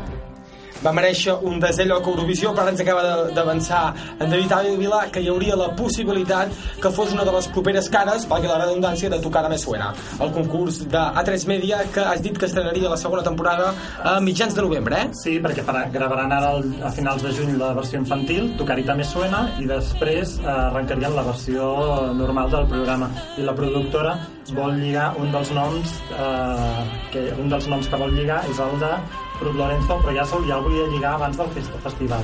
Mm. I, que, I és un dels noms que, que sí que s'ha posat sobre la Però ara ha agafat una certa projecció, evidentment, Sí, després de- d'aquesta també- desena posició. Eh? Suposo que també haurà augmentat el catxet i s'haurà de mirar mm. a veure què. Josep Maria, què et va semblar l'actuació de la Ruth? Home, jo crec que l'actuació de la Ruth va ser una de les millors, per no dir de les, de les més, més grans que jo he vist a Eurovisió en directe. Uh, dels 8 anys que porto en directe seguint el festival, per mi és la que s'havia viscut amb més, amb més ganes que la gent, per poder aconseguir un triomf, per poder tenir doncs, aquelles ganes de, de ser segon o tercer, i sí, que és cert que només calia veure la cara de l'Urut Lorenzo quan va començar la cançó, que realment era el seu ambient i realment era el que a ella li agradava i, i va donar la sensació, com vulguem dir, aquí estic i que bé que em sento i aquí començo la meva cançó i endavant, no? Com potser crec que altres artistes haurien quedat més fluixos, haurien tingut un, un factor de nervis més importants que llavors haurien doncs, perjudicat moltíssim la cançó. No ha estat així, ella tenia moltes taules a darrere amb certàmens iguals o similars i ho va abordar, o sigui, Mhm. ja sigui per la seva manera de, de, de tenir la scenografia, de tenir molt clar com ella volia el vestit, com volia que fos tot el seu decorat, com volia col·locar-se, què volia fer, vull dir, bueno, és un geni, això no se li pot negar. Xavier. Sí, sí, la veritat és que reconec que, que va estar molt bé, molt afinada, més que molts altres eh, cantants de la nit. Eh, també s'ha de tenir en compte no, que és el desgast de molts mesos d'assajos, eh, de nervis, i els nervis eh, bé, sempre poden jugar una mala passada. Eh, no negarem que, que la Ruth no, no estava nerviosa, però sí que ho, crec que ho va saber portar molt bé i la veritat és que mm, la gent era una mica injusta perquè eh, lògicament no els que no som molt partidaris o els que no segueixen molt l'Eurovisió la criticàvem, però també els que segueixen bastant l'Eurovisió vaig pensar que eh, se la despreciava molt perquè hi havia com molt a les ganes de que Inés eh, Briquete, no? Semblava que havia de ser eh, la, la gran preferida i quan van anunciar que aniria Ruth Lorenzo, eh, la pobra noia, la veritat és que estava rebent crítiques eh, per tots dos llocs, però al final eh, l'actuació eh, crec que, que va ser brillant, no? I, i ho dic jo que precisament aquella cançó no és la que més m'agradava ni aquest estil musical de, de les balades eh, és el que més m'agrada però s'ha de reconèixer la, la seva potència de veu i molt ràpidament Jordi ja sé que estem fora de temps però m'agradaria fer un petit apunt uh, no sé si algú s'ho va perdre però jo sí que aquí vaig a parar molta atenció aviam si en Josep Maria està d'acord amb mi o no que la gran guanyadora de la nit per mi i sobretot per ella mateixa a nivell personal seu va ser uh, la representant de Suècia perquè tot sigui dit portava set, set intents Imagineu-vos, doncs, eh, set anys que estava intentant participar a Eurovisió representant el seu país, Suècia, i no ho aconseguia mai. Va ser aquest 2014 quan realment ho va aconseguir, va passar això a la final i a sobre va quedar eh, amb un tercer lloc, eh, vull dir, esplèndid, eh, la noia era guapíssima, eh, cantant, quan cantava se la veia que estava feliç de ser allà perquè és, crec que és un somni fet realitat seu, Senyor, amb molta il·lusió, eh, amb molt de treball i jo crec que a nivell personal seu ha de ser increïble aquesta experiència i jo crec que seria la guanyadora. Per això tenia ganes de, de comentar aquesta història que potser molta gent se la va passar per alt, però quan vaig pensar, déu nhi eh? Set intents eh, per presentar-se, aconseguir-ho, passar a la final i a sobre quedar al podi, això és eh, genial. També, Sergi Xavier, deixa'm que t'interrompi, que, que molta gent, sigui, estem parlant de Dinamarca, Copenhague, on tots els països escandinaus eh, són germans cosins. Vull dir, la gran afició i la gran, el gran seguiment que també tenia Sanna Nielsen des del, del Halerne, des de la illa d'Eurovisió, era massa. Vull dir que ella tenia una, una gran claca de fans impressionants. I també és un punt molt a jugar a l'hora d'un artista quan surt a, a dalt d'un escenari i s'hi juga la pell, no? Vull dir que, en definitiva, també per mi va ser una de les millors actuacions de la nit, indiscutiblement. Però no és, però no és l'única que li ha costat uh, diverses vegades uh, presentar-se al Festival d'Eurovisió. Uh, a l'estat espanyol, Coral s'hi ha presentat diverses vegades i sempre l'han anat tombant. Vull dir que, que hi ha diversa gent que s'hi han anat presentant diverses vegades. Vull dir que en, en aquest cas no ha estat l'única. Uh, jo he de dir que vaig... Jo crec que realment el, el triomf de Sanna Nielsen al Nobel Festivalen, que és la preselecció que es fa a Suècia per escollir el representant, i ara com un deute moral, possiblement, no? de, de, de tenir aquesta artista com a una de les millors favorites per, per poder-lo representar. Jo crec personalment. Creus que tindrem eh, potser l'any que ve o l'altre representant catalana al Festival d'Eurovisió, TV3? Molt, molt ràpid, Josep Maria, un sí o un no? Ho desitjaria amb ganes. A veure. Josep Maria, moltes gràcies per acompanyar-nos avui al vespre. Gràcies a vosaltres. David Ávila, també moltes gràcies. Però com que s'acaba? No em vas dir que això s'allargava fins a les 11, el debat? Doncs no pot ser. Més que ràpid que el programa Home, s'allarga fins i, a les i 10. una cosa sí que hem de destacar, perdona'm Jordi, molt ràpidament, de veritat, em prometo que seré molt breu. Crec que ha estat un, un dels millors eh, festivals que haurem vist a la història d'Eurovisió, al nivell tècnic, eh, de càmeres, de llums, qualitat de so, efectes, aigua a l'escenari, un efecte de romba que donava un impressionant visió quan s'enfocava de cara uns blocs amb un escenari que semblava que no hi havia d'haver res, però de cop apareixia allà, que no sabíem si eren transparents, hi havia pantalles, hi havia, hi havia si un vidre o no hi havia res. sobre el Festival d'Eurovisió d'aquest any, dels que vindran i dels que han vingut fins ara, aneu a eurovisió.cat, la pàgina web d'en Josep Maria i Sebastià, i trobareu moltíssima informació d'un usorenc apassionat per aquest festival de tirada europea. David Ávila, moltes gràcies. Moltes gràcies per haver-me convidat. Xavier Miral Peix, ens retrobem a l'agenda. I tant, d'aquí uns moments. I Josep Maria i Sebastià, moltes gràcies de nou. Passa, falten dos minuts per arribar a un quart de deu del vespre. Fem una pausa molt ràpida, amb un altre cop escoltant eh, la cançó que va quedar número de- d'Eurovisió, la de Ruth Lorenzo, i de seguida tornem, ara sí, amb el debat per parlar de política, amb en Jaume Puig, amb Marc Costa i l'Enric Gil. Fins ara mateix.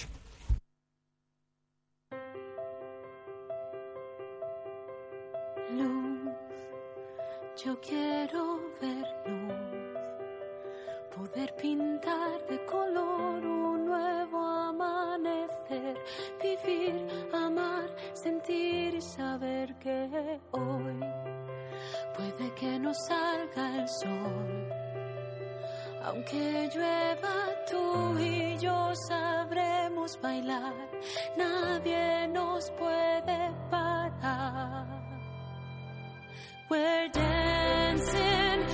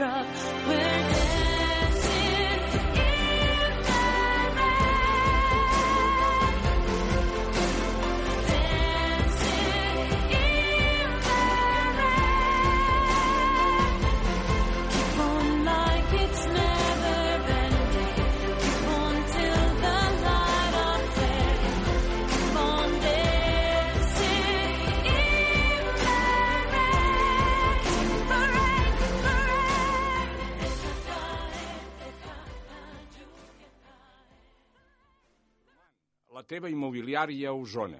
Ens trobaràs a la Rambla dels Montcada número 28 a Vic i a l'Avinguda Roma número 83 de Manlleu. I també al telèfon 93 886 96 96 i a Promanweb 35 anys d'experiència ens avalen. Passa un minut d'un quart de deu del vespre. La tertúlia.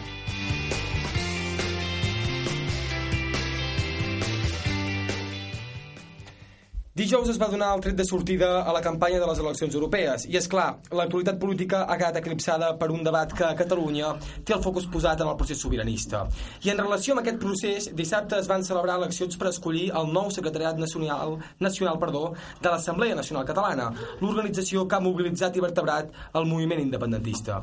I avui ens acompanya a la taula en Marc Costa, que repetirà com a membre del màxim òrgan de direcció de l'Assemblea. Bona nit, Marc, gràcies per acompanyar-nos. Bona nit, bona nit. Saludem també en Jaume Puig, és conseller comarcal i ara membre del Moviment Demòcrata Català. Bon vespre, gràcies per acompanyar-nos. Bona nit. I a I, l'Enric... i, I militant de l'Assemblea, també, eh? Ah, perfecte. Encara que sigui passivament, Estem entre companys. soci de ple dret. I també saludem a l'Enric Gil via telefònica des de Barcelona, periodista. Enric Gil, bon vespre també. Hola, bon vespre. Jo no sóc membre de l'Assemblea, però en sóc simpatitzant. Perfecte, estem tots entre companys, doncs.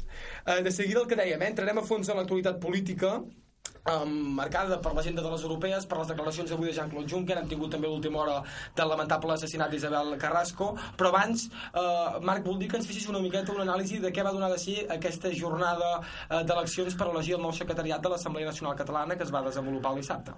Bé, doncs, eh, a banda que estem molt contents pels resultats que s'han obtingut, doncs, com ja sabeu, es van escollir els, els 25 membres del secretariat de representació nacional i el, la resta, els 50, de representació territorial.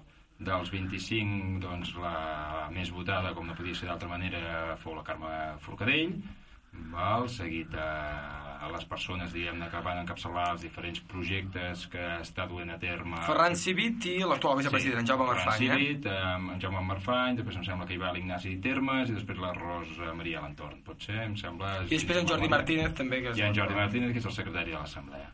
La resta, doncs, bàsicament, doncs, eh, tots els membres que han format part del comitè permanent i que han estat a primera línia en tots els projectes, i després, a nivell territorial, doncs, bueno, de les diferents regions que conformen l'Assemblea, doncs aquí a Osona i el Ripollès hem tingut la sort de ser escollits la, Núria Guillaumes, la Noemi Morral i un servidor. Hi havia 30.000 socis amb dret a vot, en van anar a votar concretament 6.071, cosa que fa una participació del 21,6%. La considereu òptima, baixa... Jo la considero correcta. Penseu que estem parlant que són eleccions que es fan anualment, cada any. Uh, són unes eleccions que, a més a més, són molt complicades perquè es tracta que persones hagin d'escollir, doncs, per exemple, imagineu-vos, una cosa és la representació territorial, que hi havia cinc opcions i són cinc persones que més o menys podem ser més o menys coneguts a la comarca, però representació nacional tenies una llista de 52 persones. Triar-ne 25 d'aquelles 25 persones, clar, et sonarà possiblement doncs, els 10, 10 persones d'aquestes 25, però no les 25. Per tant, és unes, són unes eleccions realment complexes i el fet que es facin cada any doncs, també... també, també No, més és- Jaume, tu deies que eres soci, eh? Sí, jo aquest any no vaig anar a votar i ja li he demanat disculpes abans d'entrar a plató. Podríem posar un compromís? No, però l'any passat sí que ho vaig fer-ho i el que et passa és això, és que a més la gent de l'assemblea és voluntàriament anònima, per dir-ho d'alguna manera. A nivell comarcal sí que més o menys, perquè ens coneixem tots, doncs pots conèixer la gent, però la gent de les altres comarques no les coneixes ni en tens per què conèixer-les. La gràcia és que no, que no són gent que busquen una promoció personal, no? I, per tant, De fet, els resultats és el que marquen. Eh, Les, les persones que han obtingut més vots són les que han encapçalat els projectes, però, clar, darrere d'aquelles persones hi ha una quantitat de gent pencaire que són realment anònims. I saps què passa? Que com, quan, com que fan bé la feina i, quan, i eh, pressuposes que més o menys la llista que sortirà serà de continuïtat perquè si no hi haguessis llegit alguna cosa a la premsa de que hi hagués hagut algun conflicte intern o alguna cosa que no ha sortit almenys si hi ha sigut no ha sortit i per tant si t'està bé el que això passa molt, eh? si t'està bé el que estan fent doncs guaita Per això segurament aquesta voluntat de continuïtat que s'ha demostrat amb el secretariat nacional, perquè les coses ja estan funcionant, no? Sí, sí, estan funcionant, estan funcionant molt bé i bueno, es tracta de millorar. Aquest any doncs, eh, ha estat un secretariat complicat perquè s'ha hagut de resoldre tot el tema, doncs, de ficar una mica ordre amb tot el tema de l'economia i començar a internacionalitzar el procés. Doncs ara realment doncs, eh, aquest, diguem-ne, segon, almenys per la meva part, aquest segon eh, mandat, doncs, eh, bueno, serà un mandat ja que és de, de, de, de, de, de, de clavar l'estocada.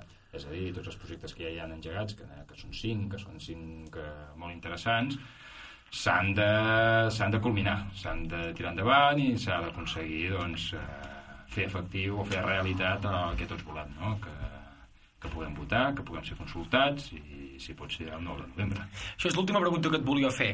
Uh, amb aquest secretariat nacional revalidat, podríem dir que es torna a revalidar allò que ja s'havia aprovat a Tarragona, que és un full de ruta que en el seu moment va ser polèmic, en part també per la campanya gairebé propagandística que van fer alguns sectors de la premsa de Madrid, en què s'apuntava allò de les eh, mobilitzacions ciutadanes a determinades infraestructures eh, per promoure la desobediència civil en cas que no fos possible la celebració d'una consulta, etc. Sí, sí, es va fer una lectura esbiaixada del full de ruta. Full de ruta s'ha de fer una lectura completa del full de ruta. Clar, si agafes parts, ostres, dius, ostres... Eh, no, s'ha de contextualitzar exacte. Eh, però bueno, el full de ruta bàsicament el que, que fixa és una mica de dates, una mica d'empenya la, la, la, la, la classe política de que eh, volem, volem ser consultats, tu. Que... Bueno, es va, es va parlar molt del tema de Sant Jordi, sí. de, de fer una proclamació per Sant Jordi. Clar, exacte, però sempre i quan, eh, en cas de que no sigui possible la, la consulta. Eh? Va escandalitzar especialment allò que es deia de portar gent a les principals infraestructures del Però país això- per assegurar-ne el control. Jo crec que això serà així. No serà així directament, és que... És que estem en un procés que els escenaris són tan variats i, a més a més, desconeixem com reaccionarà el nostre, diguem-ne, adversari, que és l'estat espanyol, tu no saps com reaccionarà, tu no saps... Eh, clar, tu estàs veient i dius, ostres, i com és que no... no, no... Veus que no acaben de respondre... Eh, no diré racionalment, però dius, ostres, és que... Clar, és que quan... Hi, és que ja, ja, jo, sincerament, eh, si jo fos eh, unionista, eh, tu, estaria preocupat, perquè considero que no es fan bé les coses i, i si no hi ha diàleg, mm, no hi ha solució. Enric, com veus aquest full de ruta de l'Assemblea amb aquestes darreres revàlides d'aquest cap de setmana i també del, del que ja va aprovar a Tarragona? Mhm. Jo, bé, el, el, el full de ruta el veig coherent, el veig eh, seguint una línia molt clara i el resultat sense sorpreses, no? He de- d'esperar aquest resultat.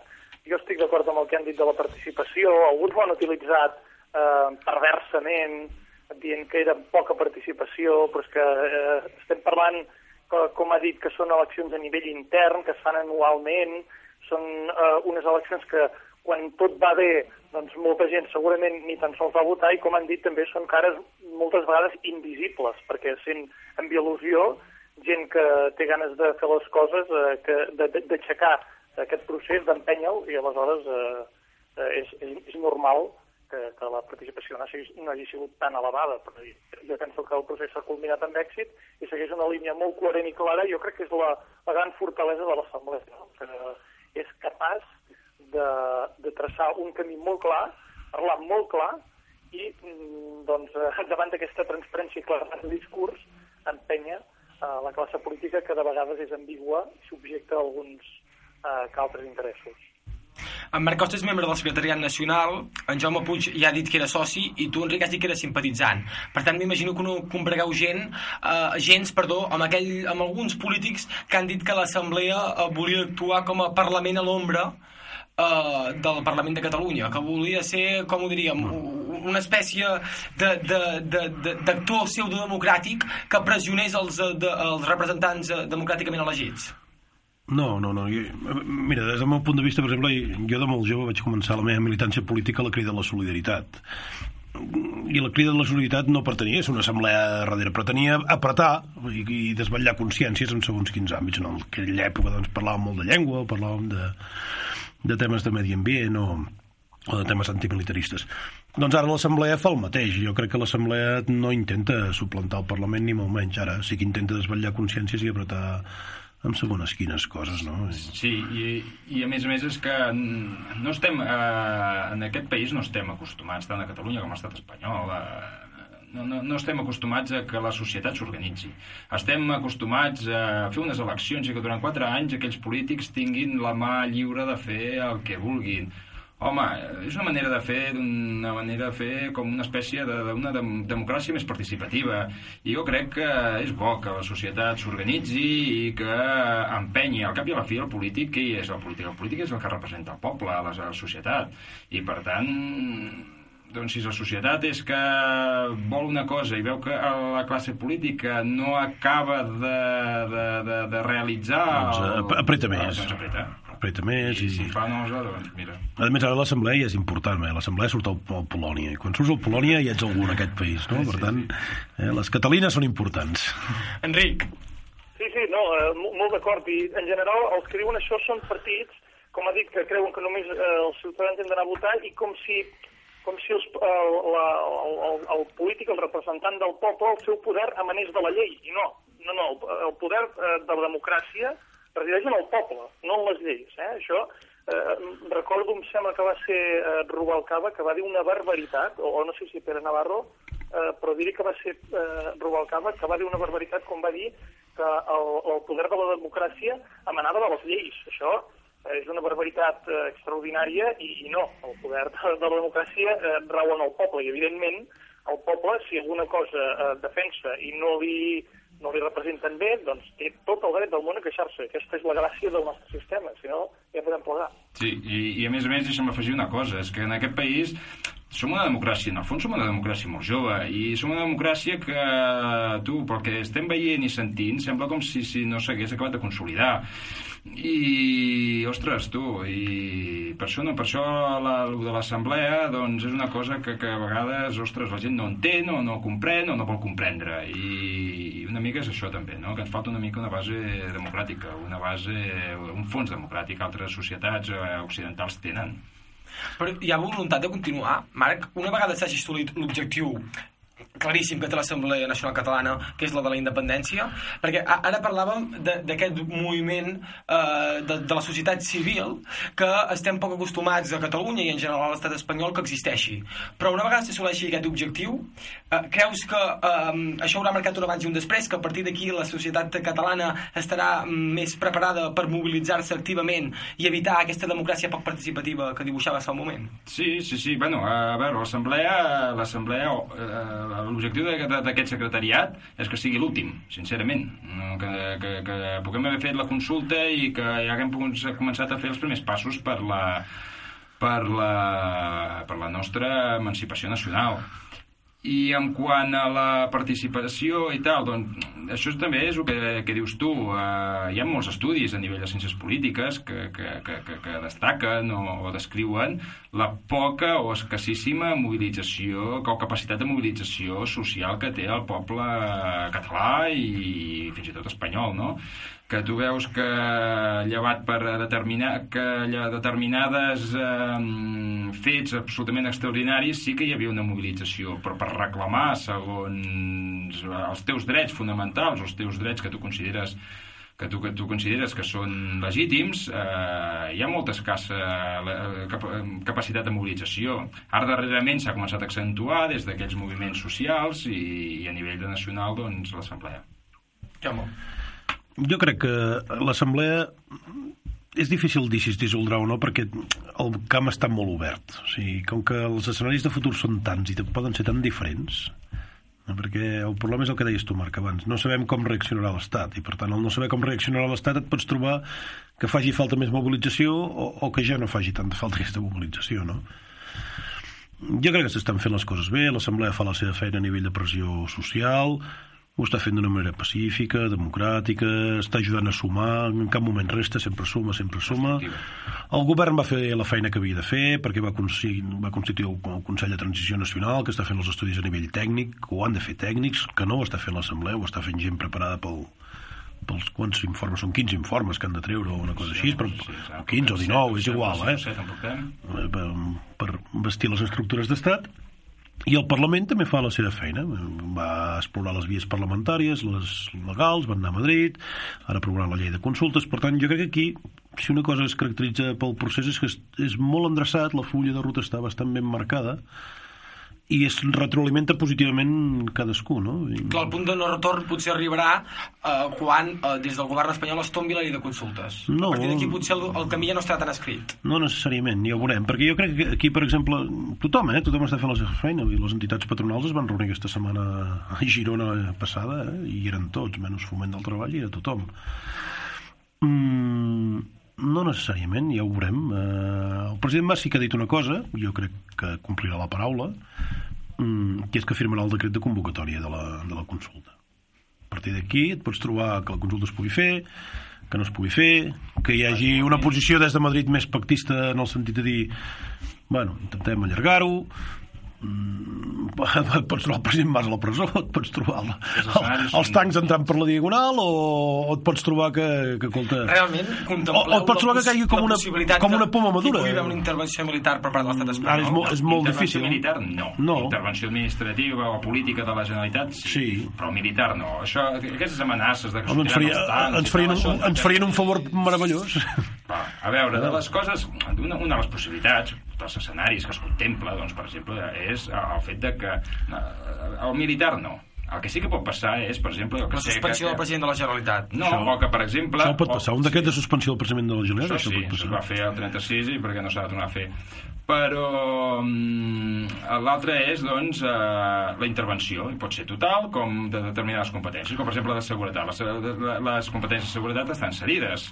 En qualsevol moment, si contemplen que eh, l'ambient és molt crispat i que la Generalitat vol tirar endavant la, la consulta, en vez de fer venir aquí doncs, eh, Guàrdia Civil o Cos Nacional de Policia, doncs es recuperen les, ai, les competències de seguretat, intervenen els Mossos d'Esquadra com a cos jeràrquic per poder ficar una mica d'ordre i evitar la I consulta. intentarien, intentarien ells comandar els Mossos. Exacte. Enric. És que està molt obert. Sembla que ha perdut l'Enric. No, no, bé, Ah. que per un moment us he perdut, sí. Eh, Enric, parlàvem de la possibilitat... eh, De fet, estàvem fent conjectures sobre possibles escenaris de futur que són molt difícils de determinar, ara mateix ho reconeixíem. Contemples tu realment la possibilitat que pogués haver una suspensió administrativa de determinades competències de la Generalitat o del propi Artur Mas? Sí, sí, sí, sí, sí, he escoltat, eh, l'únic que no havia sentit que m'anomenava, sí, sí, eh, en, en efecte jo, jo contemplo una possible intervenció de la Generalitat, de, estic d'acord amb ells que una intervenció de l'exèrcit és eh, mm, pràcticament impossible tenint en compte eh, bé, els tractats que han firmats a l'estat espanyol, que està dins de la Unió Europea, i bé, i fins i tot, i fins i tot una, una intervenció administrativa a mi em sembla una opció eh, difícil de contemplar, però és eh, evidentment més contemplable que l'altra. El problema és si, si a Madrid els pesarà més el, el cap que el cor, no? Perquè qualsevol intervenció que fagin, sigui de la forma que sigui, l'han de calcular molt ben calculada, perquè si no, la reacció, d'acció-reacció pot ser molt forta per part de la població, no? Eh, tu, imagina't que agafin en, el president de la Generalitat i te'l tanquin a Montjuïc, no? Eh, No a Montjuïc, però és eh, recordar la imatge del company tancat a a la presó, al, al tren. Si fessin una cosa així, eh, evidentment la reacció popular seria, seria, seria espontània i forta. Aquí ja, ja la, la, fins i tot l'assemblea perdria la posada de, fil, de full de ruta perquè la gent sortiria al carrer. No? Per tant, qualsevol cosa que facin l'han de calcular molt ben calculada eh, si pensen amb el cap. Eh? El problema és que els espanyols a vegades també els pesa molt l'or- l'orgull no? i pensen molt amb el cor. Per tant, mm, és molt obert l'escenari. Eh? I hem de tenir en compte... Ah, perdó. No, i dic, i hem de tenir en compte també que el prestigi internacional d'Espanya ja és delicat. Imagineu una, una mesura d'aquest tipus significaria la incapacitat ja absoluta de gestionar una crisi política per part de l'estat espanyol. Eh, Jo crec que... Bueno, però és el, el que diu en Jaume. Si els hi tira més el cor que el cap, tot és possible amb l'estat espanyol. Enric. La, la, la, la gran fortalesa, la gran fortalesa de, de, de Catalunya seria el, el fet que és pacífica. La reivindicació és tan pacífica que aquí rau la fortalesa, perquè, clar, com dieu, eh, si responen agressivament, mm, sigui administrativament o físicament, és que hi surten perdent, perquè, clar, la, la reivindicació és tan pacífica que és molt complicada de respondre d'una manera que no sigui no agressiva per part seva. Sí, però fixa't també, fixa't també com ara es comença a, a generar un, un, un ambient fals val, de crispació política social. Uh, utilitzen la vella tàctica de Goebbels de dir, doncs, si dius doncs, 4.000 vegades una mentida, doncs acabarà sent veritat. Uh, ens estan intentant, estan intentant vendre, especialment a nivell nacional i internacional, doncs un ambient de crispació política que, i social que, que no existeix, que no existeix. I per què ho fan això? Doncs per, per, per, per tenir armes o eines per poder, doncs, igual, poder utilitzar aquesta eina. Però bueno, no sé, aquí sou tots molt, molt joves, però eh, va haver-hi el, el cas Banca Catalana, estic parlant dels anys 80, eh? eh, que resumidament es tractava de... Des del govern central mm, s'acusava el president Pujol i el seu equip de, de mala gestió de Banca Catalana abans de que s'ho quedés el, el Mil- Bilbao Vizcaya i se li, va un, se li va haver un procés judicial per mals administradors que tenia molta component política i va haver un moment en què Fiscalia va demanar un, un ingrés a la presó del Pujol. La mobilització va ser espontània i no, allò no, realment la gent es va tirar a la plaça Sant Jaume i, i no, haguessin, no, o sigui, no haguessin pogut arribar a detenir i ni tan sols era una cosa que tenia res a veure amb política, era una cosa de gestió privada d'un banc, ja què m'expliques, no? La gent s'ho va agafar com una agressió forta, per tant Madrid ha de calcular molt bé la seva reacció perquè Di- Dins, Si no- la, dins l'assemblea ja hi ha una comissió que és la de desobediència la de desobediència per la sobirania que el que pretén és doncs, una mica preparar-nos per als escenaris i els diferents escenaris doncs, eh, com aquests, no? escenaris doncs, d'intervenció estatal i per donar una resposta social i començar ja a tenir la, la preparat quina resposta es pot donar a cada escenari. Bé, permeteu-me que abans va posi una altra dada sobre la taula, en aquest cas unes declaracions que avui ha fet Jean-Claude Juncker, el candidat a la presidència de la Comissió Europea per part del Partit Popular Europeu. Ha dit avui Juncker en un esmorzar a Madrid eh, sobre la consulta catalana que comparteix al 100% les tesis de Mariano Rajoy al voltant d'aquest tema i que per tant no contempla ni la celebració de cap tipus de referèndum ni la possibilitat que una Catalunya independent sigui membre o de la Unió Europea o de l'euro, que fins ara des d'Europa sempre havia arribat l'amenaça que no formaríem part de la Unió o que podíem quedar fora de la Unió, però que poguéssim quedar fora de l'euro és eh, la primera vegada que arriba des d'un alt dirigent comunitari, eh, Jean-Claude Juncker actualment ja, ja no és dirigent, eh, simplement és candidat del Partit Popular Europeu, però sí que havia estat eh, al capdavant d'institucions europees.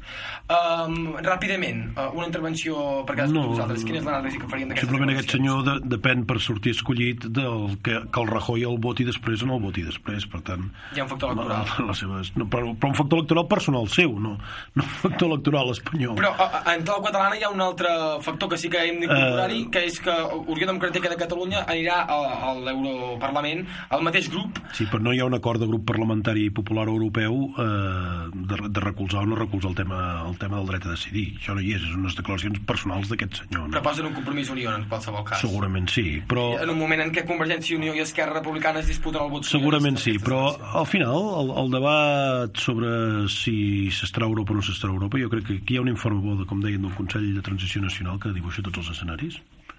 A mi un escenari de fora de la Unió Europea no, no em desagrada. Un estatus com el de Suïssa o el de Noruega no té per què ser necessàriament dolent. I lo de de l'euro és una autèntica parida, no? De l'euro. Andorra tampoc està a l'euro, no? I, I la moneda única de que hi ha de circulació és l'euro.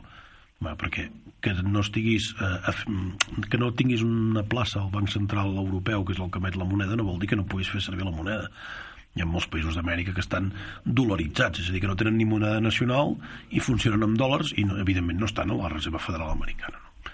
Per tant, eh, estar a l'euro o no estar a l'euro no, no, no és qüestionable. És més, per molt que estiguéssim a l'euro, mm, la possibilitat de tenir una plaça influent en el Banc Central Europeu és gairebé nula. No? Per tant, no té sentit. Marc. Uh, bueno, eh, estic d'acord amb en Jaume, hem de conte- contextualitzar aquestes declaracions. Uh, és la Comissió Europea, la Comissió, per ser president de la Comissió Europea necessites el suport de Rajoy, per tant, doncs, uh, diràs sí al que ell et demani. L'altra cosa és sobre el tema de la Unió Europea. Prim, primer de tot hem de decidir els catalans si volem estar o no a la Unió Europea. Jo personalment no ho tinc del tot clar encara. En tercer lloc és que, a veure, eh, siguem una mica també racionals tots, és a dir, eh, qui s'imagina una, una Unió Europea sense Catalunya? Ningú.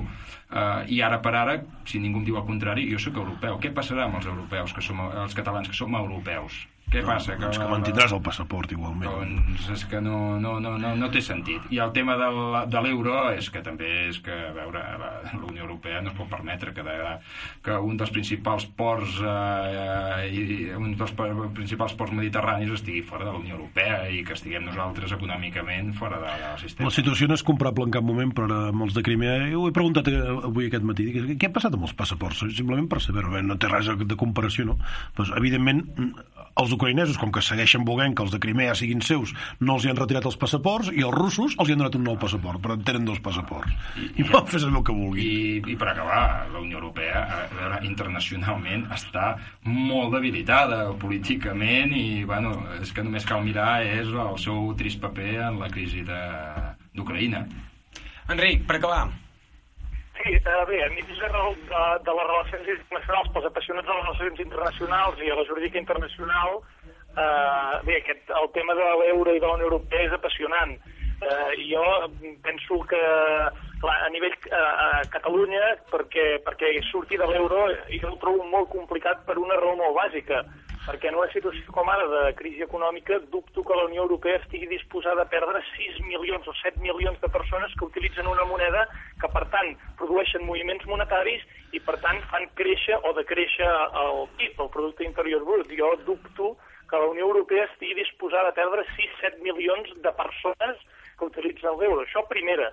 Uh, I després, en quant a la Unió Europea, uh, és un escenari, en aquest sentit, jo crec que sí que és incert, perquè uh, els tractats no especifiquen res en aquest sentit, però sí que és veritat que um, jo crec que el fet que no s'especifiqui res, molta gent ho veu com un, un tema negatiu, però jo crec que no és tan negatiu, perquè, esclar, eh, moltes vegades es diu, ostres, és que Espanya demanarà que Catalunya no pugui entrar a la Unió Europea, però és que perquè Espanya pugui demanar que Catalunya no entri a la Unió Europea, si Espanya realment fa això, és que Espanya ha de reconèixer l'estat català.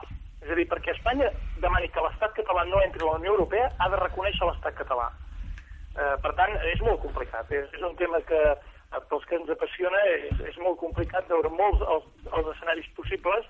És veritat que l'Assemblea va fer un document molt, molt interessant i jo crec que ho contemplo molt, molt clarament, però, però és un tema per, per discutir-hi abastament i que jo crec que no diu res molt clar i per tant tots eh, el Juncker i altres polítics de primeres espases que s'han pronunciat eh, en contra de la possibilitat que Catalunya pugui ser un nou membre de la Unió Europea eh, això són pronunciaments polítics sense cap mena de base jurídica. Marc, molt breument. Molt breument. Uh, I l'altra cosa és que cap i la figui acabarà decidint és Alemanya. I a Alemanya ja hi ha u- un dels principals centres polítics d'alemanys, eh, el lideratge per Olof Lang, que em sembla, si no recordo malament el nom, que ja contempla solucions per tal d'integrar Catalunya dintre de la Unió Europea, fent una xipre a la inversa. Vull dir que que jo crec que sí, que, que la Unió Europea està preparada per, per, per integrar Catalunya i que no, no és un tema que ens hagi de preocupar excessivament.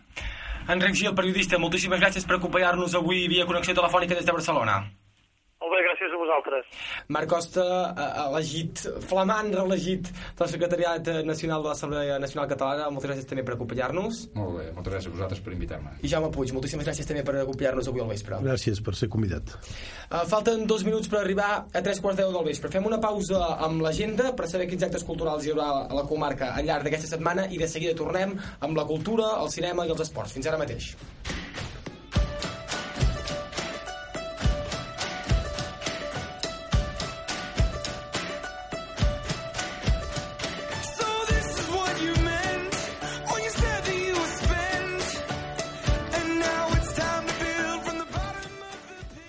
L'agenda. Per dimarts 13 de maig a Manlleu a les 9 del vespre al Casal Popular Boira Baixa, projecció del documental de Segovia Big Band. A Vic, a dos quarts de set de la tarda, a la sala CER de l'edifici El Sucre, presentació del club Empren amb la conferència Diners i Consciència. Camí a una renovació social, a càrrec de Joan Antoni Melé, subdirector de Triodors Bank. A Vic, a les 8 del vespre, al local de l'Agrupació Astronòmica d'Osona, conferència Meravelles del Cel, a càrrec de Ricard Lázaro, llicenciat en Humanitats. Dimecres, 14 de maig, a Tavernoles, a dos quarts de 10 del vespre, al centre cívic, foc tradicional de Sant Isidre, en coca, llangonissa i cava per a tothom. A Tona, a les 5 de la tarda, a Can Codina, ball amb Montse Serrallonga. A Vic, a dos quarts de 7 de la tarda, a l'aula 3 a buscar de la Universitat de Vic, xerrada la importància del joc lingüístic en les primeres lectures. Càrrec d'Isabel Muntanya. I a Vic, també, i dins les festes del barri dels Caputxins, de 7 a 9 del vespre, al Club Montagut, primer torneig familiar d'escalèxtric. I per acabar el dijous 15 de maig a Centelles a les 9 del matí, al casal Francesc Macià, xerrada la responsabilitat penal de les empreses. I fins aquí l'agenda d'aquesta setmana del vespre.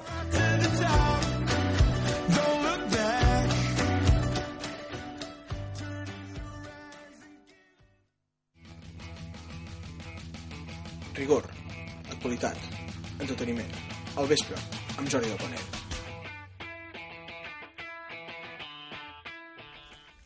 Tres quarts de deu del vespre, fem un repàs a la cultura. Cultura, amb Samuel Escribano.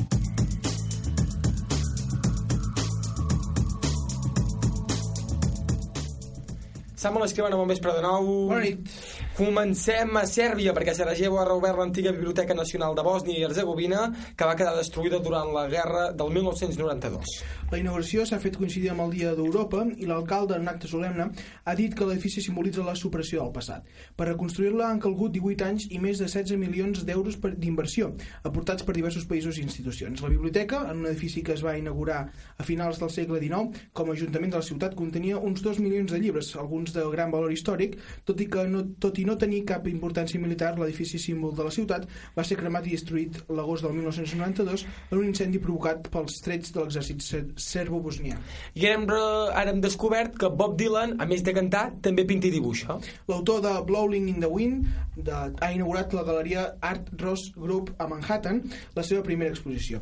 Es tracta d'una mostra amb una cinquantena de dibuixos, esbossos i pintures titulada Drown Blank Sèries. El, els dibuixos es van fer entre el 1800, eh, 1989 i 1992 durant les seves gires eh, per carretera. Les obres estan exposades a la venda i els preus oscil·len entre els 1.800 euros per un esbós fins a 300.000 euros per una pintura original acrílica. Els diners que recaptin es destinaran a la lluita contra el càncer i la sida. A, la, a, la, a banda de la mostra que es podrà veure a Manhattan fins al 30 de maig, Bob Dylan té publicat un llibre amb pintures i dibuixos seus. I passem al cinema. Comencem amb la pel·lícula Malditos Vecinos de Nicholas Stoller.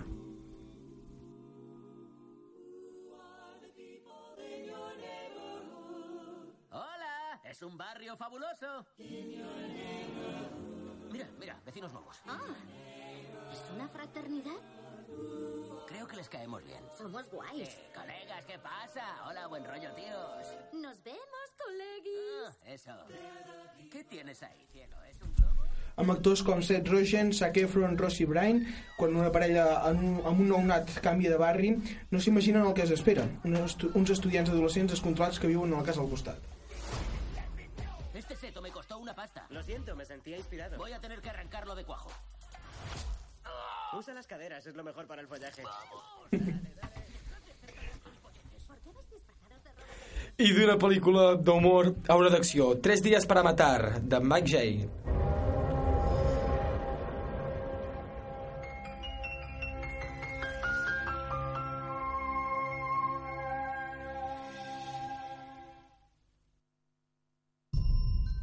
Com l'altra pel·lícula també es va estrenar el dia 9 i eh, compta amb actors com Kevin Costner, Amber Heard y Helen Stephen. Debe abandonar la zona o estallar a la guerra. Está en camino. Para bien o para mal. Cuando trabajas para la agencia, todos en sus puestos. Ella pasa a ser toda tu vida.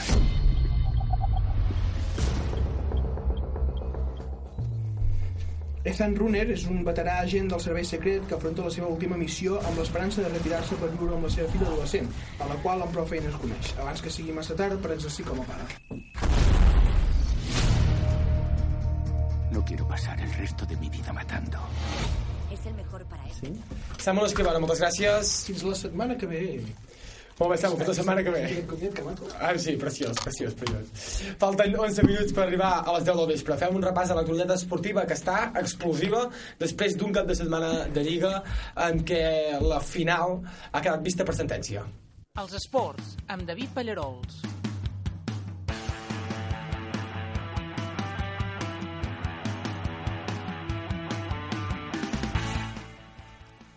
I dic que la final ha quedat vista per sentència perquè després d'aquest cap de setmana les coses estan com ja estaven la setmana anterior. Per tant, el dissabte que ve a les 6 de la tarda tindrem la final definitiva de la Lliga entre Barça i Atlètic de Madrid al Camp Nou. David Pererols, bon vespre. Bon vespre. El que dèiem, que la Lliga tots els pronòstics s'han complert. Feia mesos que es parlava que el partit de l'última jornada podria ser decisiu per decidir el títol i així ho serà. L'Atlètic de Madrid i el Barça jugaran el campionat en l'últim partit. Després dels mals resultats del Real Madrid i la falta d'encert del Barça i l'Atlètic, el Camp Nou serà l'escenari per decidir el campió. Ahir Culers i Matalassers van empatar els seus respectius partits, mentre que el Madrid va perdre a Celta i va deixar escapar definitivament el títol de Lliga. El Futbol Club Barcelona va visitar Elx amb un objectiu, aconseguir la victòria i jugar-se tot a, un, a una última carta al Camp Nou. L'equip del Tata va sortir amb ganes i va plantar cara a un Elx que jugava de permanència. La falta d'idees al conjunt blaugrana, però, va ser decisiva en el resultat. Les ganes i la intensitat no van ser suficients per aconseguir importar-se els 3 punts, fet que podria haver costat un títol de Lliga. Aquesta, però, resisteix a acabar en mans d'algú i sort va tornar a ser pels blaugranes que van veure que el seu rival, l'Atlètic de Madrid, no va poder sumar els 3 punts contra el Màlaga. El campionat dona una altra oportunitat al Barça i d'aquesta manera ho va analitzar el Tata Martino. La paciencia se terminan este, cambiando por cierto tipo de desesperación. Y entonces había en los últimos 10 minutos una sensación de ambigüedad, de no saber si ir por todo, si estábamos arriesgando demasiado y un gol nos dejaba fuera de la pelea. Eh, me refiero a un gol de, del Elche. Aquestes no van ser les úniques declaracions en acabar-se el partit. El director tècnic, Andoni Subizarreta, no va voler parlar del futur del club i no va dir res sobre el possible nou entrenador del Barça per la pròxima temporada, Luis Enrique. Les declaracions més importants, però, van ser les del jugador del Barça, Javier Machirano, que va declarar que el partit del Camp Nou seria l'últim d'alguns jugadors amb la camiseta blaugrana. Malgrat aquesta nova punxada, el Barça no ha deixat marxar les possibilitats d'aspirar al títol de Lliga. L'empat d'ahir de l'Atlètic de Madrid contra el Màlaga fa que els matalassers no hagin pogut celebrar encara aquest campionat en una jornada en què tot els pitava a favor. Ahir al Calderón sabia que, se sabia que era un partit clau per aconseguir la seva decena lliga. El conjunt del Xolo Simeone va sortir a buscar els 3 punts i esperar una punxada del Barça. Un gol de Samu a la segona part va avançar el Màlaga i va començar a treure possibilitats a l'equip local. En una jugada a pilota aturada, el de Berlei va aconseguir l'empat i el porter del Màlaga, Wibi Caballero, va ser decisiu perquè l'Atlètic no remuntés el resultat. Al final va empatar un gol que deixa per decidir la Lliga fins l'últim sospir. Simeone va declarar que el seu equip li queden dues finals que es decidiran la temporada. La primera, aquest dissabte a les 6, al Camp Nou. Si nos decían que íbamos a llegar tres puntos adelante del Barcelona a jugar en la cancha del Barcelona, no lo creía nadie. En una final siempre hay un 50% para cada uno. ¿no?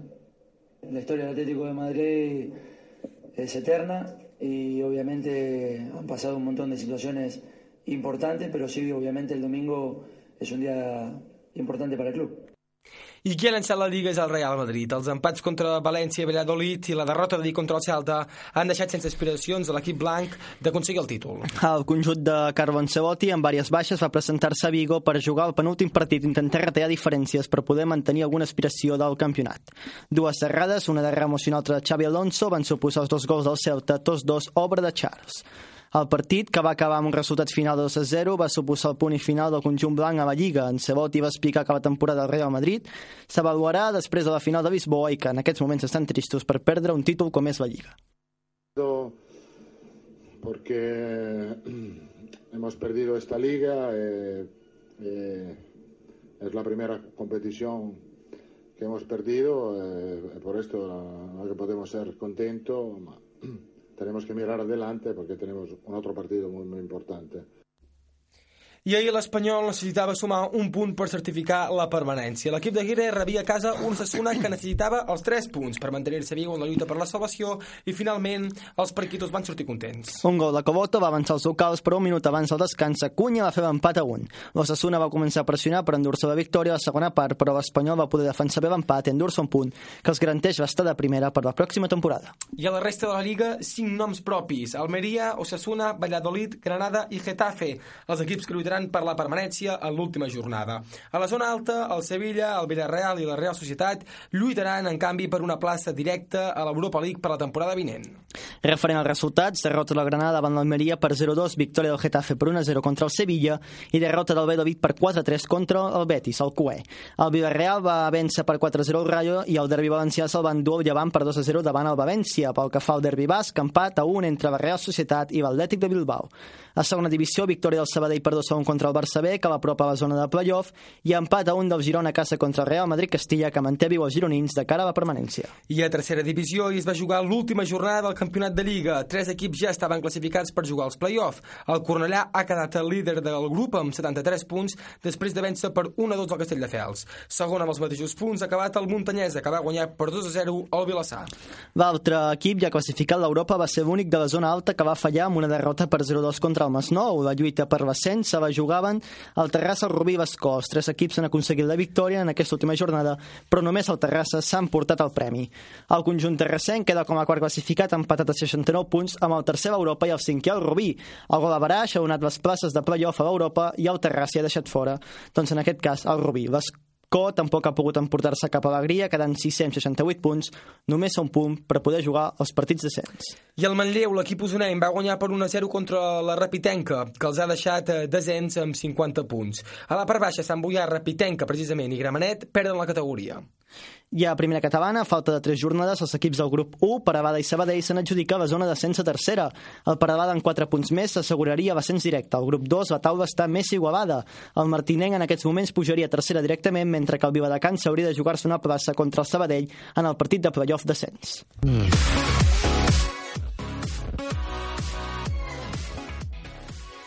En bàsquet, la Lliga Endesa ha viscut aquest cap de setmana una prèvia al partit de la Final Four entre Real Madrid i Real Barça. L'equip de Xavi Pasqual ha derrotat el conjunt madrileny per 86 a 75 amb una gran actuació. És el segon partit que perden els blancs d'aquesta temporada a la Lliga, l'altre va ser contra el València, que se situa una victòria per empatar el Real Madrid en la fase regular.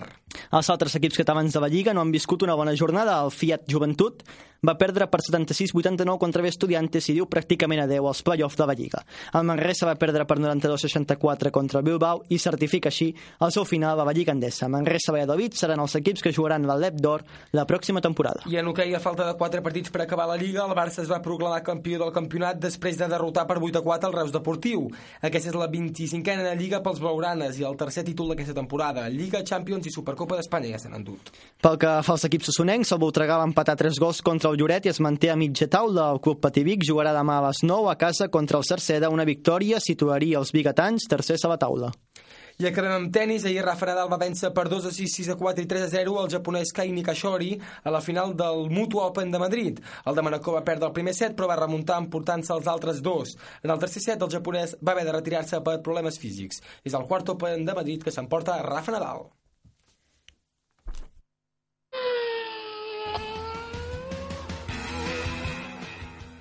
I acabem amb la Fórmula 1, on segueix tot igual. A Mercedes se li haurien de torçar molt les coses per no endur-se aquest campionat. Ahir el Gran Premi d'Espanya celebrat a Montmeló va tenir com a protagonista el Lewis Hamilton, que es va endur la cursa per davant del seu company d'equip Nico Rosberg. El pilot de Red Bull, Ricardo, va completar, va completar el podi.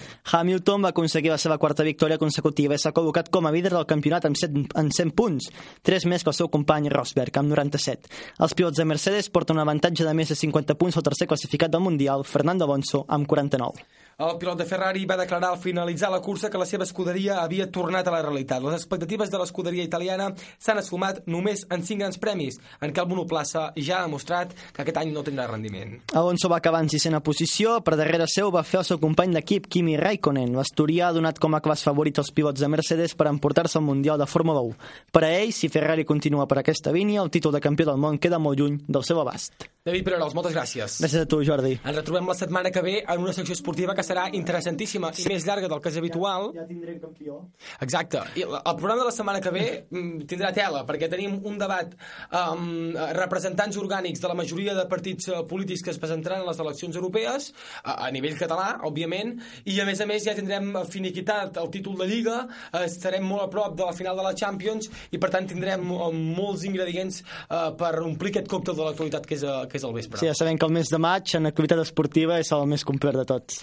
Doncs ahir, Pererols, moltes gràcies, ens retrobem la setmana que ve.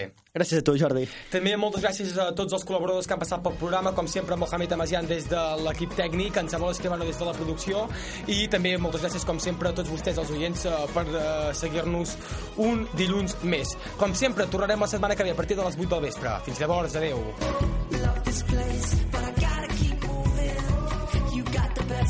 Right now, it's no illusion.